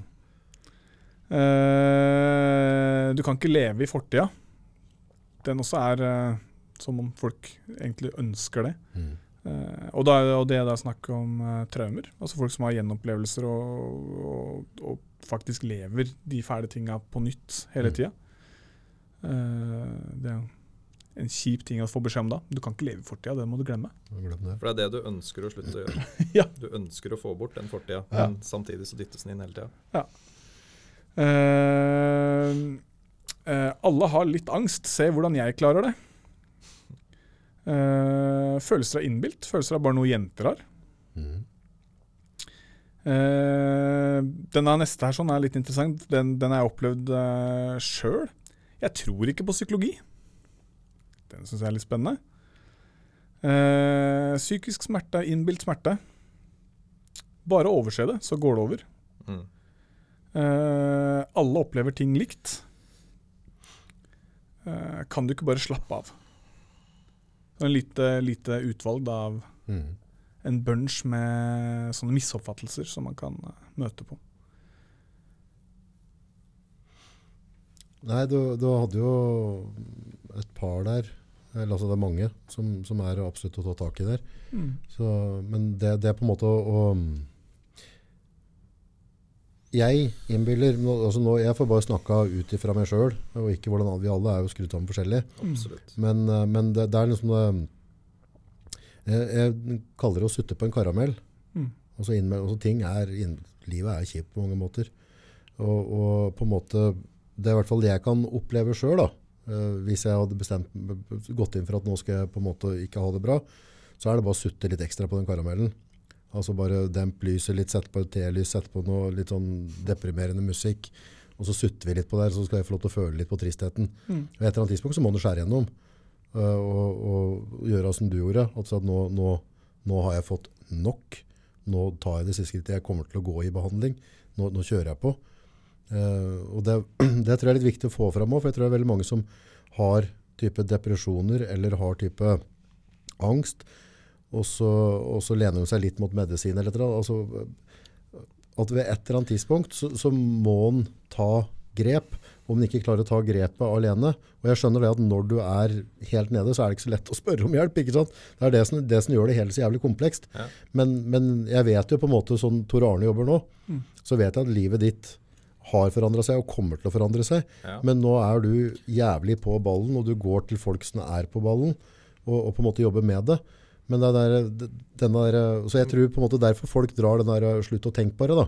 At, at den kommer så naturlig at du bare ja, men Tenk på noe annet. Men jeg tror, det, det tror folk mener egentlig er altså hvor lenge skal vi sutte?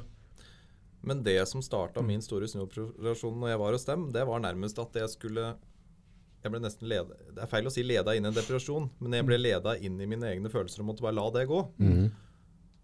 Det var ikke noe heavy rosa musikk her, det, men det var ting som fikk komme. Og For jeg tror det er det som er så store problemer. Jeg havner alltid tilbake til kontrollbegrepet. For vi leter alltid så jævlig etter en kontroll på vår eget følelsesregister. Ja. Og det er en livslang jobb som du aldri kommer i mål med. Mm. Og det ender veldig ofte da i psykiske lidelser. Fordi følelsene våre, det går ikke an å kon kontrollere. Det er Jeg er helt enig.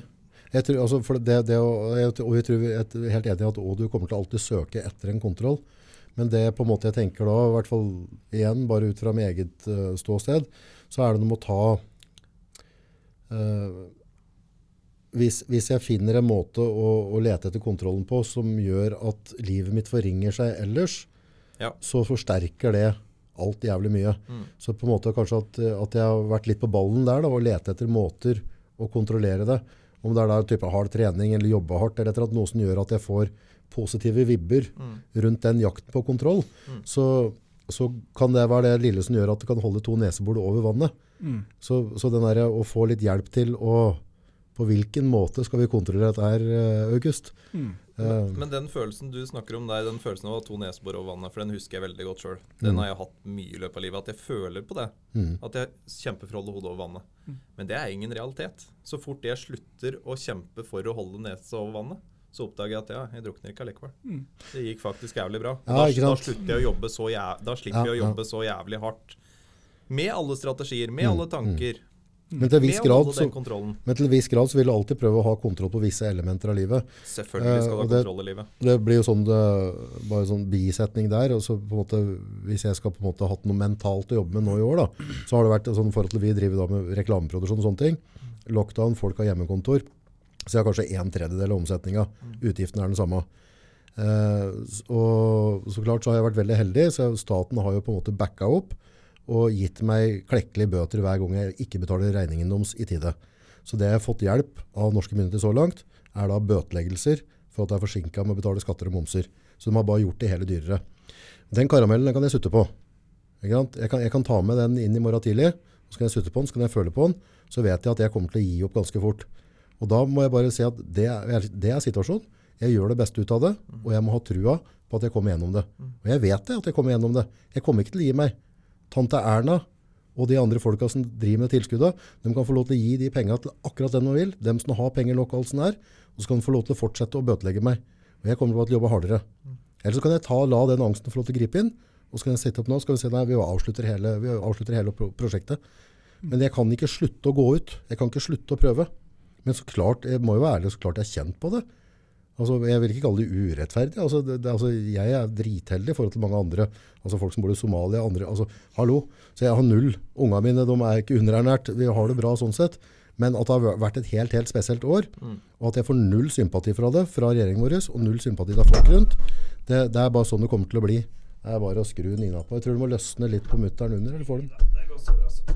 Så, så og da må jeg på en måte bare Men klart, nå har jeg vært heldig og, og, og hatt et liv som gjør at jeg òg kanskje er litt mentalt forberedt. Men det jeg er veldig redd for nå i næringslivet, er at når vi kommer nå i 2021, og vi skal gå på et nytt år nå, så tror jeg det er veldig mange Jeg tror økonomien i veldig mange felt nå, der er det folk som ligger så pressa og har valgt å løfte hodet opp og være positivt. Og så får vi nye sanksjoner. Det er helt sikkert riktig at de må komme med dem òg, men jeg mistenker at nå på nyåret så tror jeg rent psykisk så tror jeg det er utrolig mange som kan få en angst forhold til arbeidsplassen sin, eh, det de har lagt ned timer på. da. Ja, så klart. Det ville, alt annet ville vært litt rart, ville ikke det? Jo. Men øh, jeg har bare lyst til å bare mm, gripe litt tak i det med den karamellen. Bare Ja. for å liksom holde litt den, den oppe. Fordi øh, for jeg, jeg, får litt sånn blanda følelser på det også. Fordi på et vis uh, Det kan være lett å på en måte henge litt fast i det, eller uh, kjenne litt på det. Men, men for mange så er det jo ikke en karamell heller. Altså, det er jo uh, mer et barberblad. Altså, Ja. ja, ja, ja. det, det Jo, jo mer du sutter, jo mer skada blir du. Ja, og, og, og det var kanskje aldri noe godt i utgangspunktet. Eh, og så vil jeg ha lyst til å også liksom koble på dette med den troa. Altså, hvis du har, hvis du har tro, altså har du tilgang på teknikker, tilgang på noe du kan gjøre, og du har tro på at det vil hjelpe deg med å øh, fikse det, Mm. så, så har du i hvert fall en utvei. Mm. Men si du ikke har det. Ja, Du har, du har ikke noe tro på noe du kan gjøre. Du har ikke tilgang på noe du kan gjøre for å løse det vanskelige. Altså, de eneste tilgangene du har, er noe som er eh, Som kanskje gjør det verre, eller som kanskje bare opprettholder, eller som gjør det 0,1% bedre. Litt sånn uh, Det er noe som eh, både vi og dyr uh, kan opp oppleve. Jeg vet ikke om, om dere har hørt om lært hjelpeløshet? Det, det har kommet i forbindelse med når man har forska på litt sånn forskjellig, og det finnes jo mye grusom forskning, egentlig. Men si, si hvis en hund er på et strømførende gulv Mm. og driver og får støt hele tida, Mm. men uten mulighet til å komme seg ut av det. Uansett hva hunden gjør, så kommer den seg ikke ut av det. Vet du hva hunden gjør da? Den gir opp sikkert. Ja, Den setter seg ned og bare er i det. Fordi det er ikke noe Altså, hva skal du gjøre, liksom? Mm. Uansett hva du gjør, så er det ikke noe vei ut. Gir opp. Og det er, det er en type lært hjelpeløshet. Uansett hva du gjør, så kommer du deg ikke ut av det. Og da, eh, da blir du sittende fast, da, på et vis. Ja, men det er der jeg tenker det sånn med trua da. Mm. Eh, og, og klart det er mange teknikker, og det, det tror jeg er det vi må, på en måte, vi alle mennesker må jobbe med. Ja.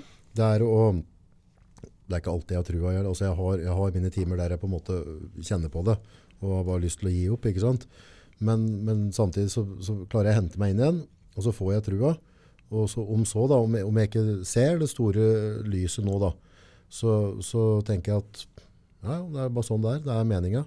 Jeg vet at uansett så kommer jeg til å komme styrka ut av det uansett. Jo, men, du, men der, du, har, du har det verktøyet. Det funker hos deg. Det er ikke alle som er i den posisjonen at de faktisk har det verktøyet latent. Jeg vil kalle det litt en Jeg tror ikke det er latent, for det der er jeg ikke enig. For jeg mener Ja. at jeg har brukt et helt liv på å lære meg det. For, for jeg, jeg har ikke, i, i likhet som mange andre, så har jeg ikke, jeg har ikke fått noe på sølvskje. Nei, det tror Nei. jeg absolutt ikke. Uh, og, og, og hvis jeg skal gå på traumer, så har jeg mer enn nok av dem òg. Men på et eller annet tidspunkt så har jeg pokker meg heller ikke gitt opp. Og jeg kommer heller aldri til å gi dem rett på det.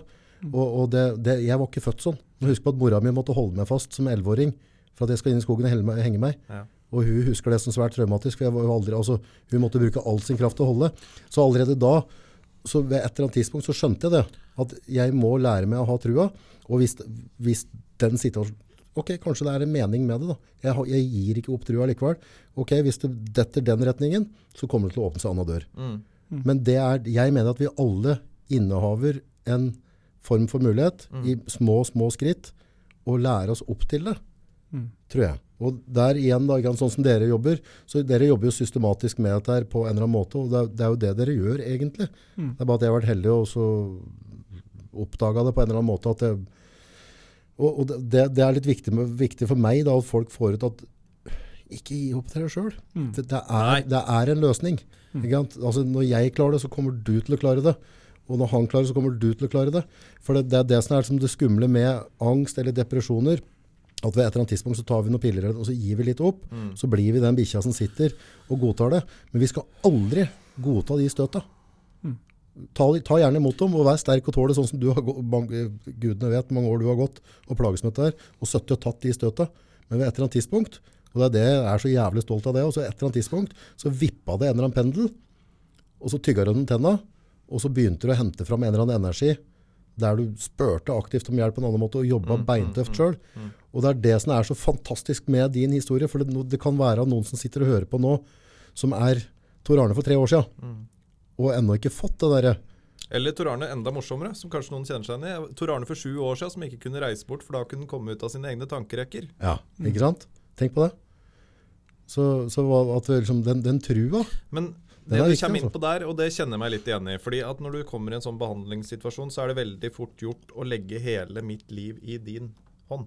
Ja, ditt ansvar. Du skal redde meg. Ja, det er fort gjort. Det er veldig fort gjort. Og det var det sporet jeg kom unn- ut av når jeg også kom dit. Fordi jeg var helt Jeg visste at jeg skulle være der i tolv uker. Du tvang deg inn i noe, ikke sant? Jo, men jeg var veldig klar på at her kan jeg få jævla mye, her kan jeg utforske jævlig mye, men det er ting jeg må jobbe videre med sjøl når jeg kommer ut. Mm. Um, Nei, jeg syns det er utrolig flott det dere jobber med, og veldig stolt av deg, Tor Arne, på det du har oppnådd på den tida her, og så jeg er blitt kjent med deg. Så det, men at vi på en måte, og det kan jo kanskje du legge litt mer lys på forhold til det med det å aldri gi opp og ha trua. For jeg, jeg, hvis jeg skal skrive på myte med angst, eller depresjoner, så, så, så tror jeg det er liksom at eh, nei, han har jo angst. Sånn blir det bare, du skal være med det resten av livet. Det er pissprat. mm. For det er ikke sånn. Det er, det er altså, Om han ikke har den rette, om den ikke har den rette altså, Det er noe med liksom å, å bare Men uten den trua Hvis jeg hadde gått til, til Espen, og så hadde ikke det hjert, og så hadde mista trua etterpå da var, det liksom, tenke, nei, da var det sikkert ikke meninga at, at Espen skulle hjelpe meg. Det var antakeligvis meninga at Ola skulle hjelpe meg. Og så kom jeg enda bedre ut av det. eksempelvis. da. Men altså her kan vi snakke om det psykologiske. For jeg merker når jeg prater med deg, August, sånn som du prater nå Mm. Jeg kjenner på at energinivået mitt det, det stiger til at du prater. For du, du, du har en så Altså, du har en Du har jo en drivkraft i deg sjøl. Ikke faen om du gir deg noen gang, ikke sant? Altså, jeg kjenner det smitte. Og jeg, jeg tror jeg var så heldig fikk det på en måte på at, at, jeg, at jeg ikke funka på skolen. At jeg var, var stempla som dum. Jo, men det er det som og er da, så- da fikk jeg den der, det der altså bare Ved et eller annet tidspunkt da, så fikk jeg sånn derre Oh no. De skal faen ikke få rett. De skal ikke få lov til å gi meg en diagnose og fortelle hva jeg skal oppnå og ikke oppnå. Så at jeg får, at jeg henter gjennom kan si den litt aggresjonen der, da. Så jeg henter om det. For jeg, jeg føler meg Jeg har jo ikke så mye evner, men jeg, jeg vet at hvis, sett, hvis, hvis, hvis det betyr nok, og jeg setter meg i det, så stopper jeg ikke. Watch me. Jeg kommer til å bare rulle fram uansett. Men er, og det er, den der energien der jeg vet alle har. da. Men jeg skjønner det i den posisjonen du var, ikke, så, så er det du, har, du har brukt all energien din på å bare eksistere. Så, så det, det, er, det, altså, det er ikke noe spillover. Det er ikke noe, du, altså, du har ikke hatt noe på reservetanken. Og da er det så skummelt hvis en da på en måte et eller annet tidspunkt mister trua på seg sjøl. Og jeg skjønner at folk gjør det. Men vi skal klare, når, når en reservetank er tung, så er vi menneskene skrudd sammen på en sånn for fantastisk måte. Så da klarer vi pokker meg endelig til, ikke sant? Ja, og så er det jo fordi det som er komplisert med det også, øh, for å liksom være den som Ja. sitter og kaster stein i maskineriet, Ja, ja, så så, så er det jo også noe med at øh, noen ting kan vi bevisst, altså bare bevisst gjøre noe med. Ja. Liksom som det du sier, ikke sant? Du bevisst frigjør den energien som gjør at du kan gønne på. Mm. Men øh, for noen så er det jo ubevisste mekanismer som de ikke er klar over engang, som begrenser, stopper, holder igjen. Eh, sånn at bare det for å få frigjort den energien i seg sjøl, så trenger man allerede De trenger noen som, eh, noen som på en måte pusler litt på, eller hjelper dem til å få bort de tinga som hindrer, som de ikke var klar over at var der engang. Og da er det viktig å ha folk rundt seg, da. Som faktisk eh, istedenfor altså som, som bare For det, det er jo ikke noe sånn at hvis, eh, hvis, eh, hvis jeg er nede for telling nå, da, og, og, så, og så skal du begynne så jeg er, Alt er svart rundt meg, og reservetangen er tom. Og skal du dytte. Du blir ganske upopulær type da. ikke sant? Ja. Jeg, vil, jeg vil jo ikke like deg veldig godt. Så, så det er jo ikke mange mennesker som er villige til å ta den oppgaven og si at August, shut the fuck up. Jeg vet du har mer der. Dette får du til. Om, du, om de kanskje ikke sier det på akkurat den måten, men, men, Men, men, men er det alltid altså, For min del, jeg har mer, og det, det sa også min psykolog. Jeg tror, jeg tror du tåler jævla mye, mye, rett og slett. Men er det alle, når du kommer traumatiserte som, pasienter, som, som har jævla mye mer å gå på? Jeg, jeg tenker at det er litt sånn todelt. det må jo være det, ellers kan det bare gå og henge seg. Nei, men altså at du må gjennom en prosess. For altså, Ja. er, det litt, ja, prosess, er, det, ja, ja. for er det litt som en sånn der, uh, mental og følelsesmessig forstoppelse ofte? Ja, ja og det er det jo. At kabelen må ut før du kan fungere mer? Eller, eller, eller litt sånn Det er energi der, men si du står på gass og brems samtidig. Så du, Ja. du sliter i filler bilen av, eh, av å ha alle de tingene som skjer samtidig. Ja. Så når man får uh, tatt bort hindringen, eller eh, slutter å tråk- tråkke på gassen, nei, bremsen, så, så kommer energien. Uh, litt sånn mm, når man, er, når man får full kon... Altså, hvis du går fra å være deprimert eller Og det jeg har jeg sett så mange ganger. Er du deprimert, så er jo all av energi bare kobla rett av. Du har, ingen, du har ikke noe overskudd. Du er helt gåen. Eh, og det er klart, man kan jo også være ordentlig gåen fordi man, har, man er faktisk ordentlig slitne. Uh, men jaggu er det ofte jeg har sett det at det å da få jobba med å komme i kontakt da med å få tak i de følelsene, altså de oppadgående, uh, energigivende følelsene, så kommer det jaggu litt mer Da kommer det litt energi igjen. Men jobben ditt, den kan jo kreve et marerittarbeid. ikke sant? Det er masse, masse Masse vanskelig som skal igjennom, og det vil være perioder hvor man er så sliten at man er ikke opp og ned på noen ting. Men, eh, men jeg har til overs å se folk som kommer i kontakt ordentlig med følelser, som ikke får også litt, litt sånn Det er noe livgivende med det også, samtidig. Fordi når alt, alt kommer til alt, så er det mye mer krevende av kroppen å holde tilbake enn å slippe opp, da, på et vis. Ja, for det er, det er mer slitsomt å leve sånn som du har uh, fått oppleve. Da. Men, men det er veldig, altså jeg, jeg, ser hvor du kommer fra, og jeg, altså jeg, jeg, jeg er egentlig 100% enig i, i det dere sier der. Men igjen så er det den derre Hvis du Det er noe med å få de rette folka. Altså få noe verktøy. Få noen som har trua. Få noen som har sett det før. For når du ikke har tru, eller ikke har en visjon om et eller annet sjøl, så tror jeg du trenger at noen hjelper til å så et frø. Og så må det gjødsles litt. grann. For allerede da, hvis du ser det frør seg litt, da, hvilken energi er ikke det gir deg, liksom? Da, da, altså, den der runda du har vært gjennom nå siste året, er jo helt fantastisk. Men jeg skjønner òg det at, at jaggu får det en par på tygga innimellom òg, sånn at, liksom bare, at det kommer noen og klipper plena og klipper det i blomsta, og så må vi jobbe på nytt igjen. da. Men det er liksom bare det at du har på en måte opplevd det før. Du har kommet deg videre. Allerede der så har du lært hjernen at det er håp. Ja, så må hjernen og kroppen komme i en posisjon hvor dette kan få lov til å gro. Mm. Fordi man kan jo si hva man vil, men hvis, hvis det du går og opplever hele tida er traumene som kommer om og om igjen, så hjelper det ikke å bare liksom øh, Nå skal jeg bare gutse på, liksom. Det, det, så lett er det ikke. Eller, eller hvis du går rundt med tåkesyn, simmel og, og på en måte sliter med å bruke hjernen på en god måte, Mm. så er det ikke sånn at øh, du bare trenger å koble på litt energi, og så får du gønna deg gjennom det. Nei, da er det så viktig å ha de rette folka rundt som, som, som kan hjelpe deg å google litt, hjelpe deg å sette kontakt med dem som faktisk har de gavene og egenskapene og kunnskapen til å hjelpe videre. For på en måte, hvis du da på en måte er pårørende og blir litt sånn konfliktsky, eller jeg tror ikke det er det, eller jeg tror, jeg tror, jeg tror folk gjør det ut av godt hjerte. Men, men øh, hvis det er komplett mørkt for meg, da, så er det ikke jævla gode kamerater hvis dere hjelp, åpner litt, setter døra litt på gløtt. da. Jeg skjønner at, jeg, at den må gå den turen sjøl, men det er all, jeg, jeg tror at i, i aller, aller fleste tilfellene er en mulighet. Mm. Hvis den har får rett verktøy, har folk rundt deg som har trua. Da. Mm. Definitivt. Enig i det. Vi gir ikke opp, gjør vi det?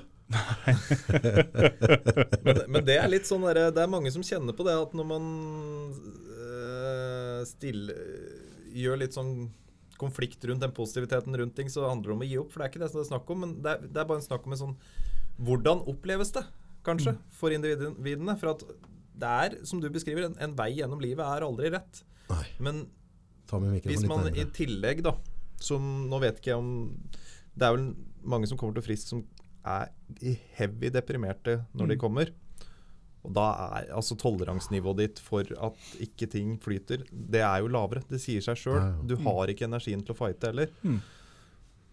Virkelig ikke. Også, jeg- jeg skal ikke bruke så mye tid på det, men så fins altså, psykologien er jo stor og kompleks. Og for å virkelig gjøre det komplekst, så er det jo sant, Hvis du har opplevd eh, den rette kombinasjonen av forferdelige traumer gjennom livet ditt, mm. så kan det være at det å møte positivitet altså det, altså Kroppen takler ikke å bruke positivitet engang.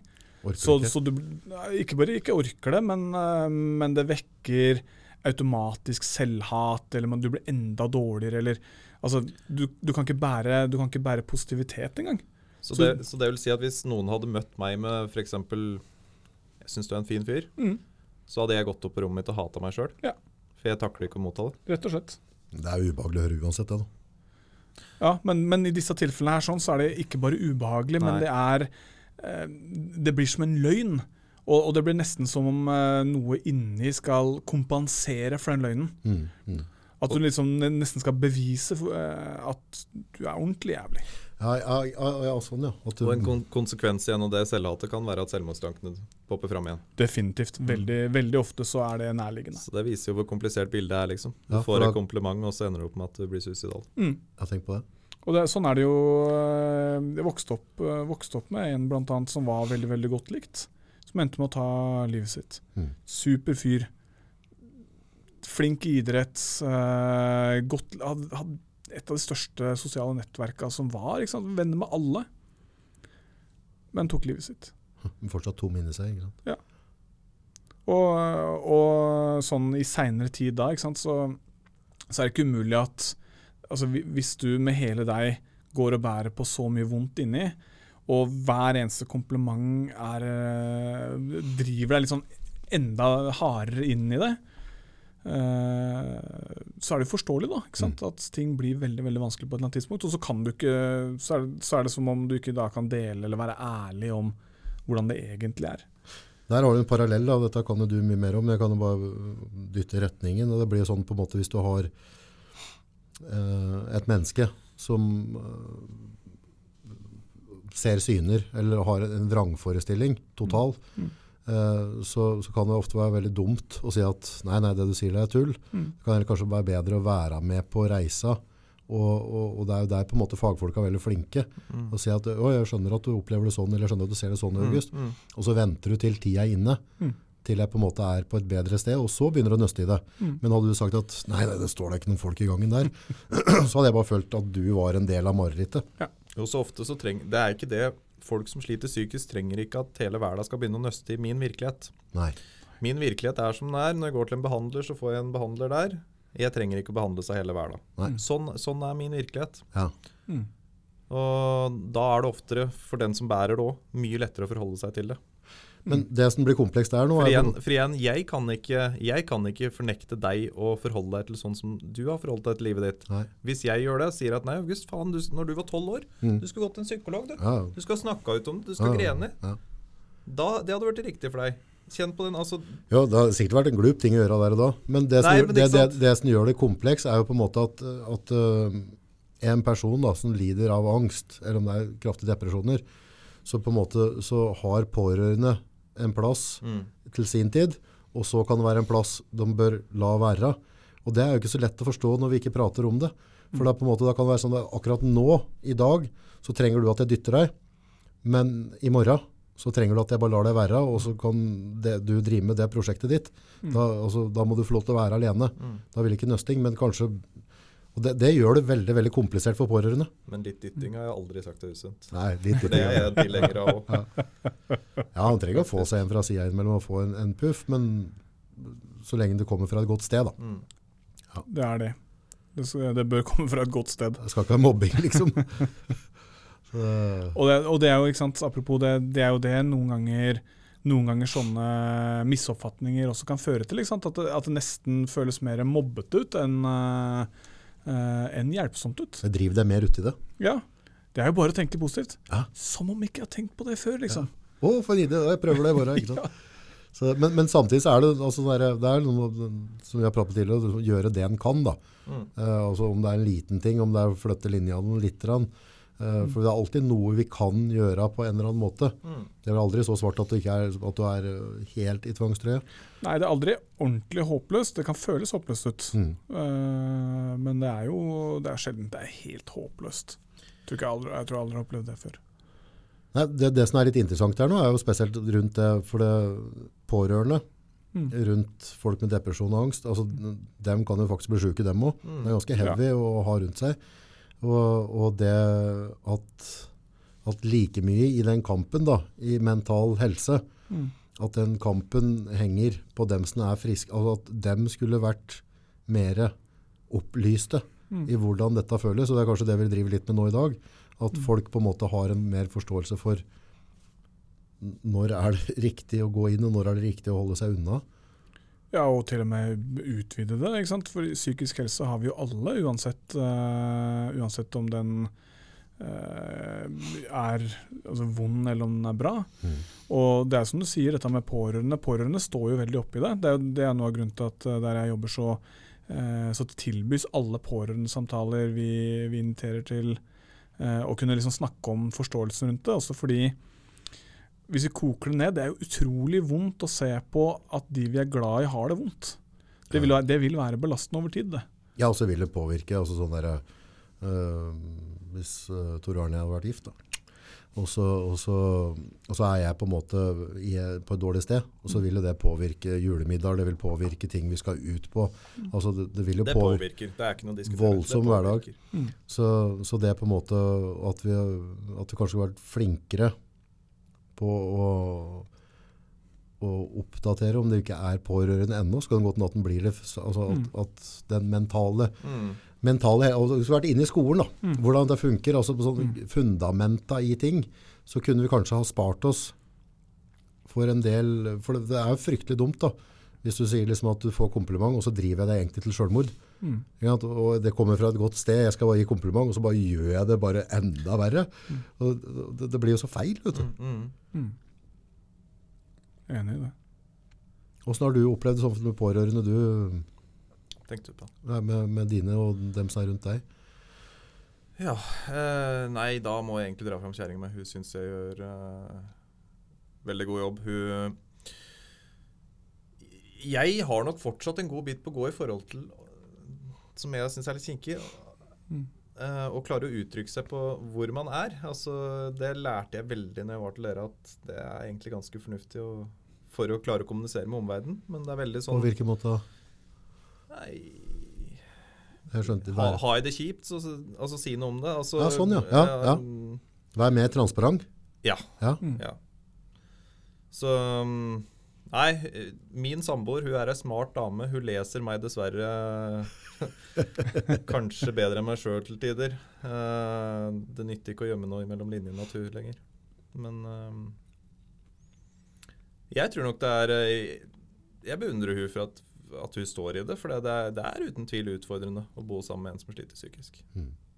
Det, Det var kona til en annen kar jeg pratet med, hun, så han hadde liksom åpna litt Pandoras eske på liksom Mm. ting og ditt og datt. Så hadde jeg vel sagt at um, jeg syns det er helt greit det, å leve med en som har litt bagasje, kontra å leve med en uten bagasje. Jeg Ja. syns det blir mer fargerikt. Det kan bli litt mer interessant. Så det er måten hun velger å se det på, ikke sant? Ja, ja. Om, eh, om det er halvfullt glass eller om det er fullt. Altså, altså. Absolutt. Så er det jo For, for det, er jo, det, er jo, det, er så mange, det er så mange ting oppi dette her også, ikke sant.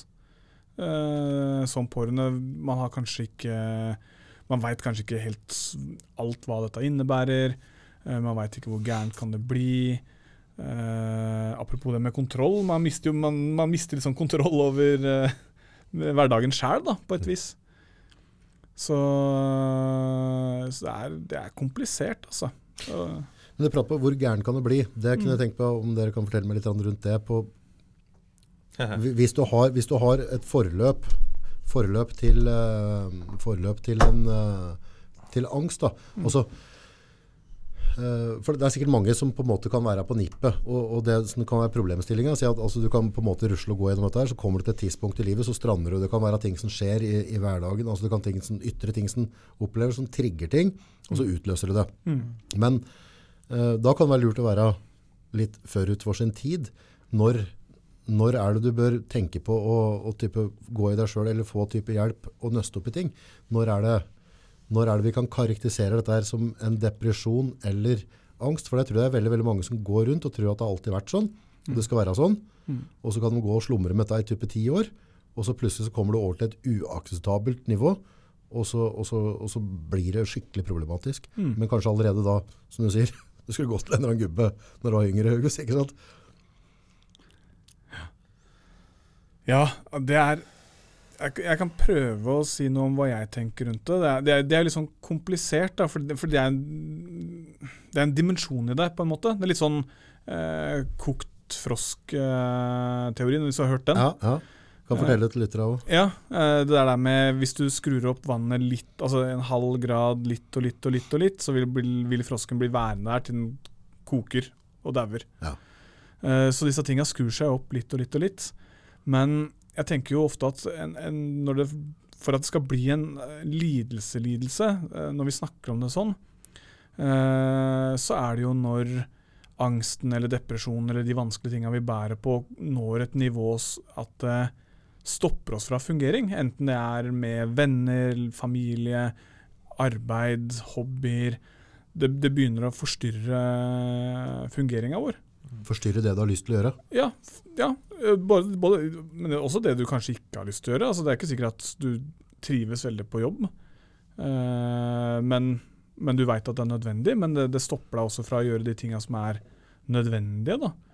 Folk, eh, folk eh, kan jo også stoppe opp og gjøre mer sånn basale ting. De stopper å få i seg mat, stoppe å sove, stoppe å ta vare på seg sjøl, tannpuss, stell. Ikke sant? Man, man stopper å gjøre nødvendige ting, og de tinga som man liker å gjøre. Og da er det jo, eh, er det jo en definitiv lidelse. Men for å snakke om når man bør kanskje begynne å ta tak i det, så burde man kanskje gjort det lenge før det. Mm. Altså når, det begynner, eh, når man begynner å merke at dette her er dette begynner å bli trøblete. Jeg må, jeg må begynne å gjøre ganske mange strategier for å holde ting flytende. Allerede der uh, ville det vært lurt å, å, begynne å ta tak i det, egentlig. Mm. Før det går for langt. Mm. Litt sånn som med de som jobber for mye. Uh, de som overarbeider og møter veggen.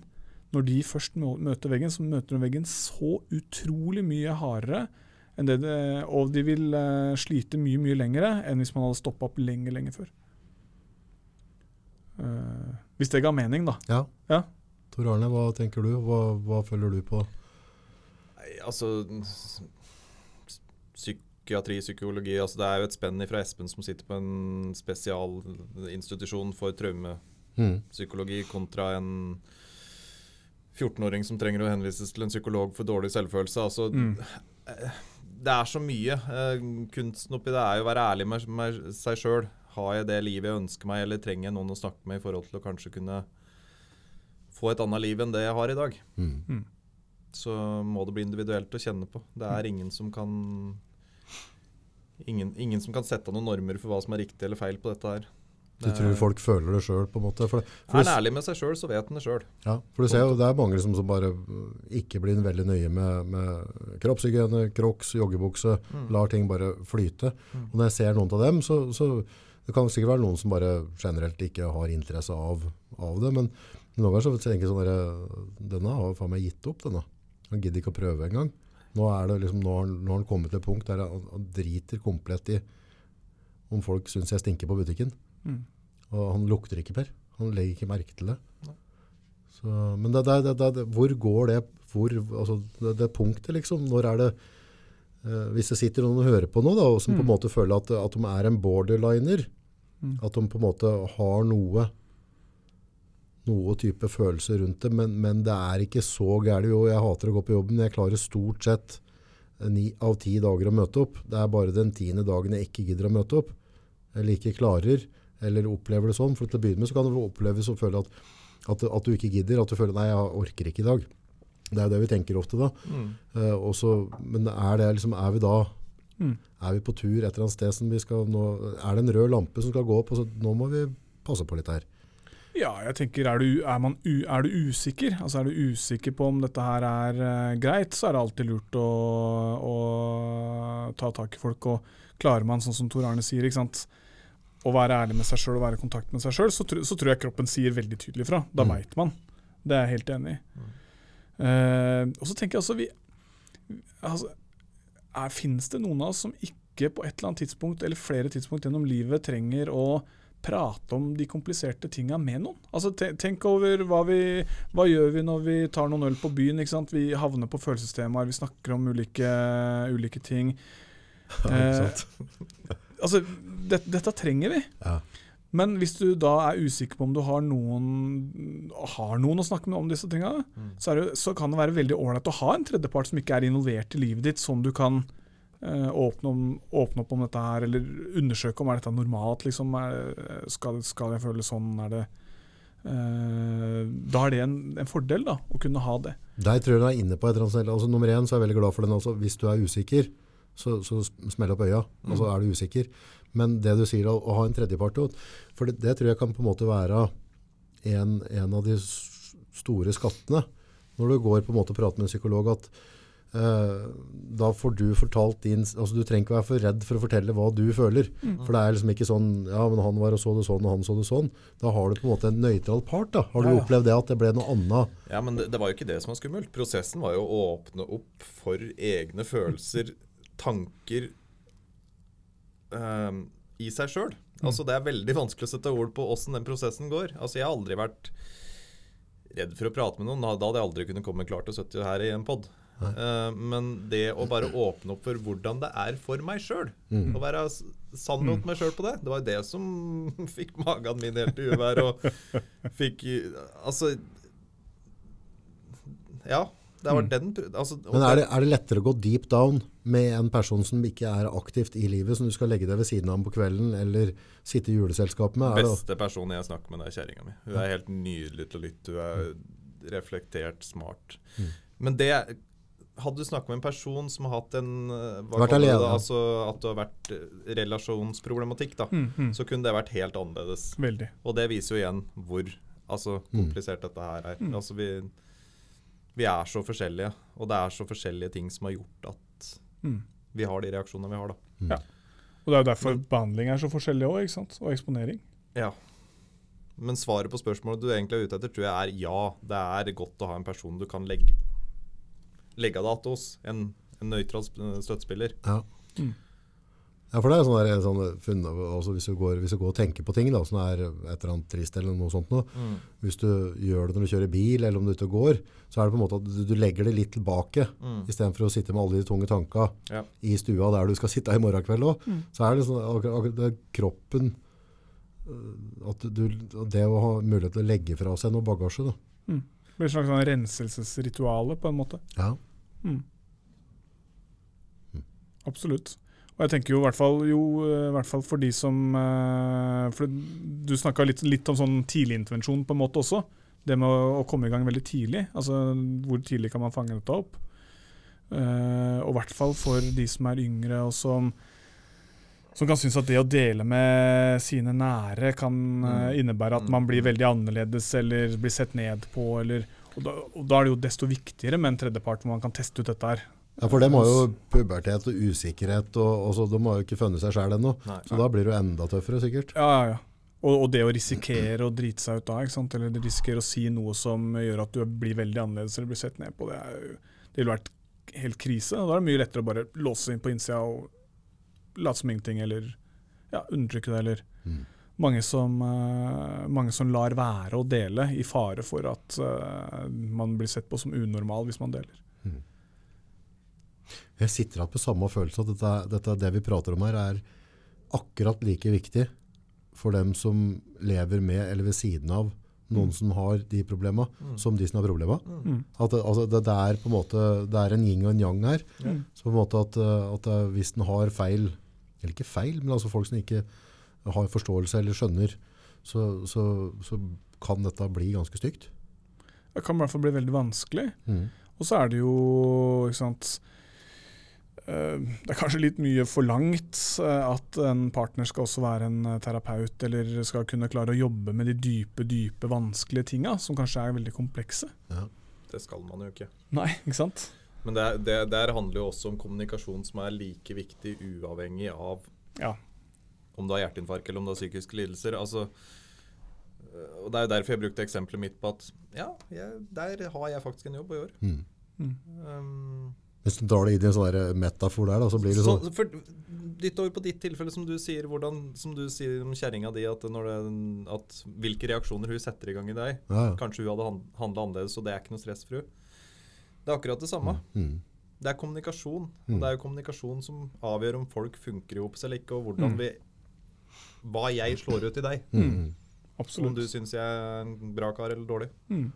Ja, ja, og så blir det på en måte den, der, den kommunikasjonen, hvis en setter inn sånn metafor der, så blir det sånn at hvis jeg har hjerte- og karsykdommer, er jeg i fare for å, å stupe inn neste året.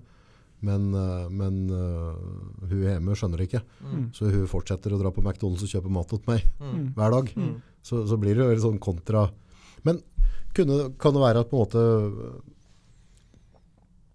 hvis, hvis, øh, hvis jeg på en måte øh, opplever at partneren min har et eller annet, kunne det vært en idé, og hvis jeg har på en måte økonomi til å ta en privattime til en psykolog og fortelle om hvordan jeg opplever det her, og kanskje få noen råd på veien, veien og si at hadde jeg vært deg, så hadde jeg kanskje tenkt litt sånn i en situasjon. Mm. Har du tenkt hvordan hun føler det egentlig? Og så allerede der så, så kan vi allerede starte en dialog, for, for jeg tipper det på en måte at hvis jeg har en eller annen reaksjon Mm. Fra, fra, fra kona mi, som jeg sliter med å irritere meg noe helt jævlig med, og så har jeg tatt en prat med deg, Mm. så mistenker jeg at jeg hadde fått et tips eller to på veien at prøv å si det til deg om morgenen og, og, og høste fram det, ikke sant? Men i hverdagen min, så glemmer jeg det, ikke sant? jeg bruker all energien på å være irritert. Mm. Hvorfor hun gjør det sånn, ikke sant? Det er der jo min, min energi går. Ja. Og så er det bare en som bare, eh, har du tenkt sånn på det? Bare, øh, ok, ikke sant? Det neste år når du skal ferie, ta tre uker på Friskstiftelse. Lover at du skal få utfordra huet ditt. Det er utfordrende nok som det er. Nei, et, altså Psykologer, Det er vel sjelden psykologer kommer med konkrete råd. Det er vel Veldig heller. Dere ønsker vel heller at du skal måtte lære deg å gå den veien sjøl. Ja. Men det å speile seg og kunne se seg sjøl via andre og se hvordan andre Mm. Det vil du nok eh, Ja, også å skille ut litt sånn Når er det Når er reaksjonene noe som kommer fra meg? Og, altså når, når agerer jeg på noe som kommer fra meg, og når agerer jeg på noe som kommer faktisk fra, fra kjerringa? Ja. Et eksempel, altså, Ja. eh, for, for å bruke deg som et eksempel, da, uten å, uten å liksom eh, heng, heng deg ut. Få det gjort. si at det er Gunnleif. ja, Det blir nok mer deg, da. Ja, ok. Da er det ikke så morsomt. Men ikke sant, eh, når, når, eh, når du da ikke får det svaret, eller eh, Ja, ja, ok. Ja. får den kalde skulderen, eller Mm, altså, mm. Svar uteblir, da. Mm. Så er det jo, så er det jo mer, altså det er mer dine egne ting du reagerer på, enn det hun konkret egentlig bærer på. Det er bare at- bagatell, ikke sant? Ja, for henne så kanskje ikke tenke på det engang, eller aldri, var ikke en vond tanke der. Nei. Mens for deg så vekker det din historie, det vekker eh, tenk om, hva hvis. Mm, -hmm. Og så er det sant, det, det du agerer på da, eller det som settes i gang da, er jo dine ting. Det er jo ikke, det er, det er ikke egentlig det som skjedde, eller det er ikke egentlig det som eh, var der, fordi, fordi det var en nøytral ting, men det vekte noe vanskelig inni deg. Mm. Så det kan godt hende at eh, du hadde blitt invitert til å jobbe med det, da. Mm. Ok, August. Skal vi se litt på hva som, eh, hva som skjer med deg der i sånne situasjoner? Det er ikke morsomt, da. Nei! Vi bare legger skylda på andre folk. Er det her neste pod? For den, den skal jeg se. Jeg har det bra. Ble litt svett nå. Jeg er ferdig på den, ja. Jeg er Madam. Nei, vi alle har, alle, vi alle har demoner. Eh, og noen er hardere rammet. Demonene tar større styring på livet enn andre. Og, og jeg tror på en måte dem som sier at vi har noen indre demoner, dem, eh, dem har i hvert fall det. Eller, altså, ja, de er ikke ærlige med seg selv, eller dem rundt seg. Så vi alle har jo våre ting. Du har jo dine ting, du òg. Ja, ja, ja. Ingen tvil. Så, og det, er jo det som er litt viktig å få fram her, og det er jo ikke en skam. Ikke sant? Om du er på en måte Men det jo er nok et trekk ved den gruppen vi snakker om her, når du har angstlidelse. Toleranse for egne Altså Hadde jeg bare agert på mine følelser i stedet for å brukt så mye greier på har jeg, Er det riktig å agere sånn? Har jeg lov til å agere sånn? Hadde jeg bare fyra når jeg vært fer- forbanna og vært ferdig med det Gud bedre om egentlig det livet mitt hadde vært For det er der tankekverna går, ikke sant? På, Ja. Og så toucher jeg inn på noe som jeg Jeg, har, jeg, har, jo- jeg har jo kjempemange kjepphester, men her også har jeg en kjepphest. godt. Uh, fordi jeg, jeg synes det, det som er litt sånn spennende, og som jeg ser over gjennomsnittlig mye, i hvert, hvert fall hos de, som, de jeg møter, da, er jo at mange av de som da går med, går med veldig mye angstplager, går med veldig mye sånn tankespinn, går med veldig mye, mye av disse vanskelige tinga, de har også en tendens til å, å ha langt over gjennomsnittlige mm, mer positive følelser for andre. Altså bry seg mer om andre, være mer opptatt av å beskytte andre, være mer opptatt av å uh, ta vare på andre. Sånn at de har en tendens til å flippe vanskelige følelser inn, tenke tusen ganger mer på hvordan vil dette her slå ut. Eh, de har en ja, Kall det en overutvikla empati eller en overutvikla mm, godhet eller snillhet i seg. Det, det, gjennomgående, altså. Nesten alle, alle jeg møter der jeg jobber, har så mye godhet for andre at sinne, f.eks. Det er ikke sikkert at de merker det i det hele tatt. De blir svimle eller svimer av istedenfor. Åh. Og det, og det, det synes jeg det er, og, og det også er en sånn kjepphest for meg. da. Jeg syns det er så viktig, den biten der. mm. Og det er ganske interessant, Ja. når man ser det på det sånn helhetlig. For tenk deg, ikke sant? det er i hvert fall ikke noe du styrer. Nei, nei, det er jo ikke nærhet engang. Sk skulle, vært, eh, skulle vært sint, ligge på gulvet. Tull å bruke sinne på den måten. Ja, I hvert fall veldig kjedelig. Ja, så, så hvis Bruk et sånn konkret eksempel. at Du får en pasient som har den utfordringa. Hva gjør du da? Er det snakk om å øve på å kjenne på, da? Å kunne romme sinnet? Ja, Prøve å få tak i det? Det blir, altså det, blir, det blir to mål. Eh, det ene er jo å, å kunne komme, altså få tak i det, men ikke bare, ikke bare sinne. fordi hvis sinne er et problem, altså hvis eh, si, si en situasjon du skulle vært sint i, ender med at du svimer av, mm. bare for å ta det som eksempel, eh, så svimer du ikke av bare pga. sinne, men det er en, en bunch med alle de blanda komplekse følelsene her samtidig. Så man må gjøre to ting. En er jo at svimer du av av det, så betyr det at eh, kroppen klarer å bære veldig veldig lite av det.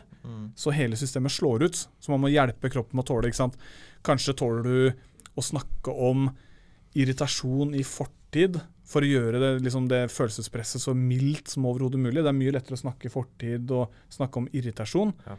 Enn forbanna eller sint eller her og nå eller ikke sant. Ja. Man gjør det, Du trenger ikke å forholde deg på samme måte. Nei, man gjør det så mildt man kan, da. Ja. Og så bygger man opp evnen til å kunne bære det sinnet. Og så være i kontakt med både at, både at det er sinne der, at det er smerte der, og at, at det er positive følelser der. Mm. For det, er ofte den dynamikken der, da. Så eh, de som da klarer å, å begynne å bære sinnet sitt, eller bære de følelsene da, de kommer ofte til et sted hvor de da kan kjenne at ah, jeg er egentlig så forbanna at jeg kunne kaldkvært. Uh, men shit, det er utrolig vondt, for jeg er kjempeglad i personen jeg er så sint på. Mm. Så man har de blanda følelsene og kan bære det i Mm, kroppen mm, samtidig der. mm. Da, så slipper man å svime av, da. Ja. Så det er som et eksempel, da. Men veien dit kan jo ta tid, og for de som skal jobbe med det, så er det utrolig tøft, altså. Mm. Så. Men mulig. Men veldig mulig. Ja. Sett det ofte. Det er eh, Sinne er veldig sånn interessant, for sinne mm, er jo en vanvittig motivator og ekskala- ekskalator, på en måte. Altså du, du, kan få ting, du kan få gjort veldig mye med å kunne kanalisere sinne, men sinne kan jo òg skade deg. Altså ikke bare ting Og og, rundt, men òg deg sjøl. Altså, jeg tror folk kan bli så sinte at de kan få kreft av det. Altså, altså, jeg tror det der å, å klare å balansere være blotta for sinne, det kan være dumt det òg. Jeg tror det kan være altså, Ja, ja. det er en sånn motivator, men hvis du ikke du får regulert den, Mm. ikke har en governor på den, Mm. så, så kan, kan du slå skikkelig sprekker. Virkelig. Og jeg tenker jo, og du får korrigere meg litt eh, på hva du tenker også, Tor Arne, men, men jeg tenker jo se, se alle følelser som biologiske, naturlige reaksjoner. Sinn, altså Sinne er naturlig når man føler seg tråkka på, eller ting er urettferdig, eller, eh, eller til og med bruke for å liksom gønne på eller motivere seg, eller altså den krafta der, da. Eh, men se for, se for dere liksom hvor mye kraft sinne egentlig kan ha. Mm. Eh, men så stopper det opp. Mm. Altså, det blir som en eh, Se for deg eh, Se for deg en høytrykksspyler, da. Men så er det noe som setter inn en bolt og stopper det trøkket. Mm. Hva skjer med den slangen da, tro? Går i filler, ikke sant? Mm. Og, og at eh, stopper du naturlige reaksjoner, eh, bevisst eller ubevisst For, for, det, jeg tenker her er viktig å vite at eh, mange av disse tinga starter, starter veldig tidlig og, og fortsetter å gjøres ubevisst. Altså det, er ikke noe med, det er ikke sånn at du stopper opp og tenker oi, nå kommer sinnet opp, la meg stoppe det. Det skjer automatisk. Kroppen stopper det ubevisst. Det er derfor du altså, Det å svime av er jo ikke noen som gjør frivillig, ikke sant. Men øh, hvis det er sånn kroppen håndterer at sinnet er på vei, eller, eller til og med kroppen mistenker at nå kommer det snart sinne, så svimer man av, så er det, det er ubevisst, automatisk lynkjappe øh, måter som kroppen håndterer det på.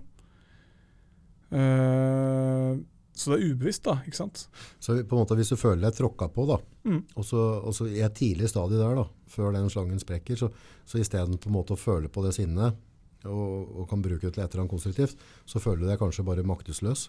Ja. Mm. At, at det på en måte, i stedet for er der et menneske som har skrudd sammen annerledes, som er, Mm. ok, fuck dem, dette skal de jaggu få lov til å se, Mm. dette får jeg til, så blir det liksom det sinnet gjort om til en dårlig selvfølelse eller maktesløshet. Mm. Helt riktig. Helt riktig. Det er jo Og så skjer det såpass automatisk at du nesten ikke er klar over det sjøl. Mm. Eller kanskje ikke er klar over det i det hele tatt. Ja, veldig mange er ikke klar over det i det hele tatt. Nei. Og da må du kanskje jobbe kanskje et par innleggelser hos deg før du egentlig ser de mønstrene i det hele tatt. Ja, Det er riktig. Og så kan du begynne med å jobbe med følelsen. Ja, og til og med bare det å lære, lære, litt, eh, lære litt om dette med følelsen. Eh, Det er ikke få ganger jeg kan spørre folk om ja, hvordan, hvordan kjenner du sinne. Og to, liksom to veldig vanlige svar. Det ene er nei, kjenner, jeg tenker at jeg er sint. Og så, nei, men kroppen da? Nei, jeg kjenner ingenting. Ingenting i kroppen. Ingenting. Ja, ingenting. Null. Og da, og da, og da tenker jeg hm, ja, OK, hva skjer med sinnet i kroppen da? Hvorfor går det bare i hodet? En annen ting er jo folk som sier ja, jeg, er kjempesint. Ja, hvordan merker du det? Nei, det knytter seg, knytter seg i brystkassa, jeg blir kvalm, mister kraft i arma øh, og blir litt svimmel. Hm. tenker jeg, hm, det er jo ikke sinne. Det er jo angst. Ikke sant? Og da, for mange da så blir det å på en måte relære litt det man skulle kanskje lært som barn, eller eh, få tilgang til hva, hva, er, hva er disse forskjellige tingene som faktisk skjer i kroppen. da. For det kan være det kan være, det kan være snakk om at de tror at de er sinte, men det er angst som faktisk skjer. Og det sier jo noe om de ubevisste prosessene. Ja. Og, da, og hvis det er angst du kjenner hver gang du tror at du blir sint, så blir du redd for å være sint òg, da. ja, ikke sant. Da begynner du å slutte å unngå å havne i situasjoner. Rett og slett. Nei, Dette er utrolig spennende. Eh, Jeg sitter igjen med, liksom, sånn, jeg sitter igjen med mange ting. Mm. Men, eh, men ene er jo på en måte at det å at vi generelt alle, med eller uten utfordringer, Mm. uh, trenger å vite mer om dette og, skjønne, og ha en større forståelse. Mm. Og så jeg, uh, har jeg noen sånn type innimellom sånn type motivasjonsforedrag og sånn. Mm. Og, og det dere egentlig prater på her nå i dag, er jo ekstremutgaven av selvmotivasjon. For jeg blir jo litt sånn der, jeg blir veldig sånn der oppgira da, når jeg ser talenter, mennesker som bare har på en måte lite trua på seg sjøl, men kall det frykt eller angst, Mm. ikke tør å, å på en måte utvikle drømmene sine, gå og gjøre det. Men på en måte de fungerer jo, de er på jobb, de gjør det vanlige. Mm. Men jeg blir litt sånn frustrert. Ikke sant? Bare, å, Få trua på deg sjøl, da, Menders! Ikke sant? Det, det, hva, hva, er, hva er verste utkommet her, liksom? Mm. Ok, Du fikk det ikke til, prøv en gang til, begynn opp noe annet. Men, men det dere driver og jobber med, er jo rett og slett altså, Det er jo motivasjon på steroider. Mm. Eller altså en, en sånn menneskelig utvikling, da. Mm. Mm. Definitivt. Jeg tror vi alle har det dere prater om, men i en langt, langt eh, mer behagelig og levende målestokk. da. Ja. Enig med deg. Det er sprøtt. Mm. Mm. Og det er ikke så ofte vi tenker over det. Du fikk meg til å gjøre det nå, da. Ja, men det er litt moro, August, og det skal du ha kred for. Du, du, du klarer å stoppe opp det og så se det at hm, ja, kanskje jeg må se litt annerledes på det. Ja, for det er paralleller. Selv om det, for dette her er fjernt ifra hvordan du har det, Mm. Ja, ja. og hvordan du tenker. Det er derfor det er moro å diskutere litt med deg. skjønner. Ja, det er gøy å ha litt av diskutere. Så det er gøy å være på en måte Dette er en veldig sånn litt kul måte, da, for nå, nå har vi på en måte tre forskjellige utgangspunkter. Mm. Uh, og vi ser jo på en måte allerede hvor, hvor forskjellig vi ser på ting. Mm. Men samtidig så er det på en måte en litt sånn rød tråd i det hele uansett. Og så er det ingen av oss som kan si at jeg vet nøyaktig hvordan den riktige veien til dette svaret er er heller. Ikke sant? Ikke engang han som er psykolog. Ikke, ikke engang jeg. Ja, det er én ting vi kan slå fast, da.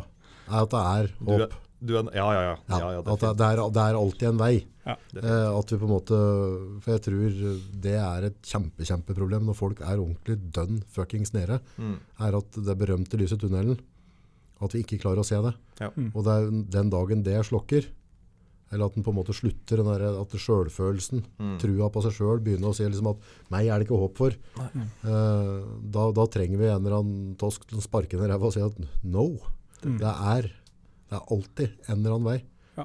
Men hvilken vei som er riktig, det er jo en helt annen sak. Det varierer veldig. Og, da, og der har jeg faktisk en appell litt sånn, litt, Ja. eh, til de som lytter, og litt sånn som du var inne på i stad. Dette med hvis, hvis det ikke funker hos en, så kan det godt være at nestemann funker.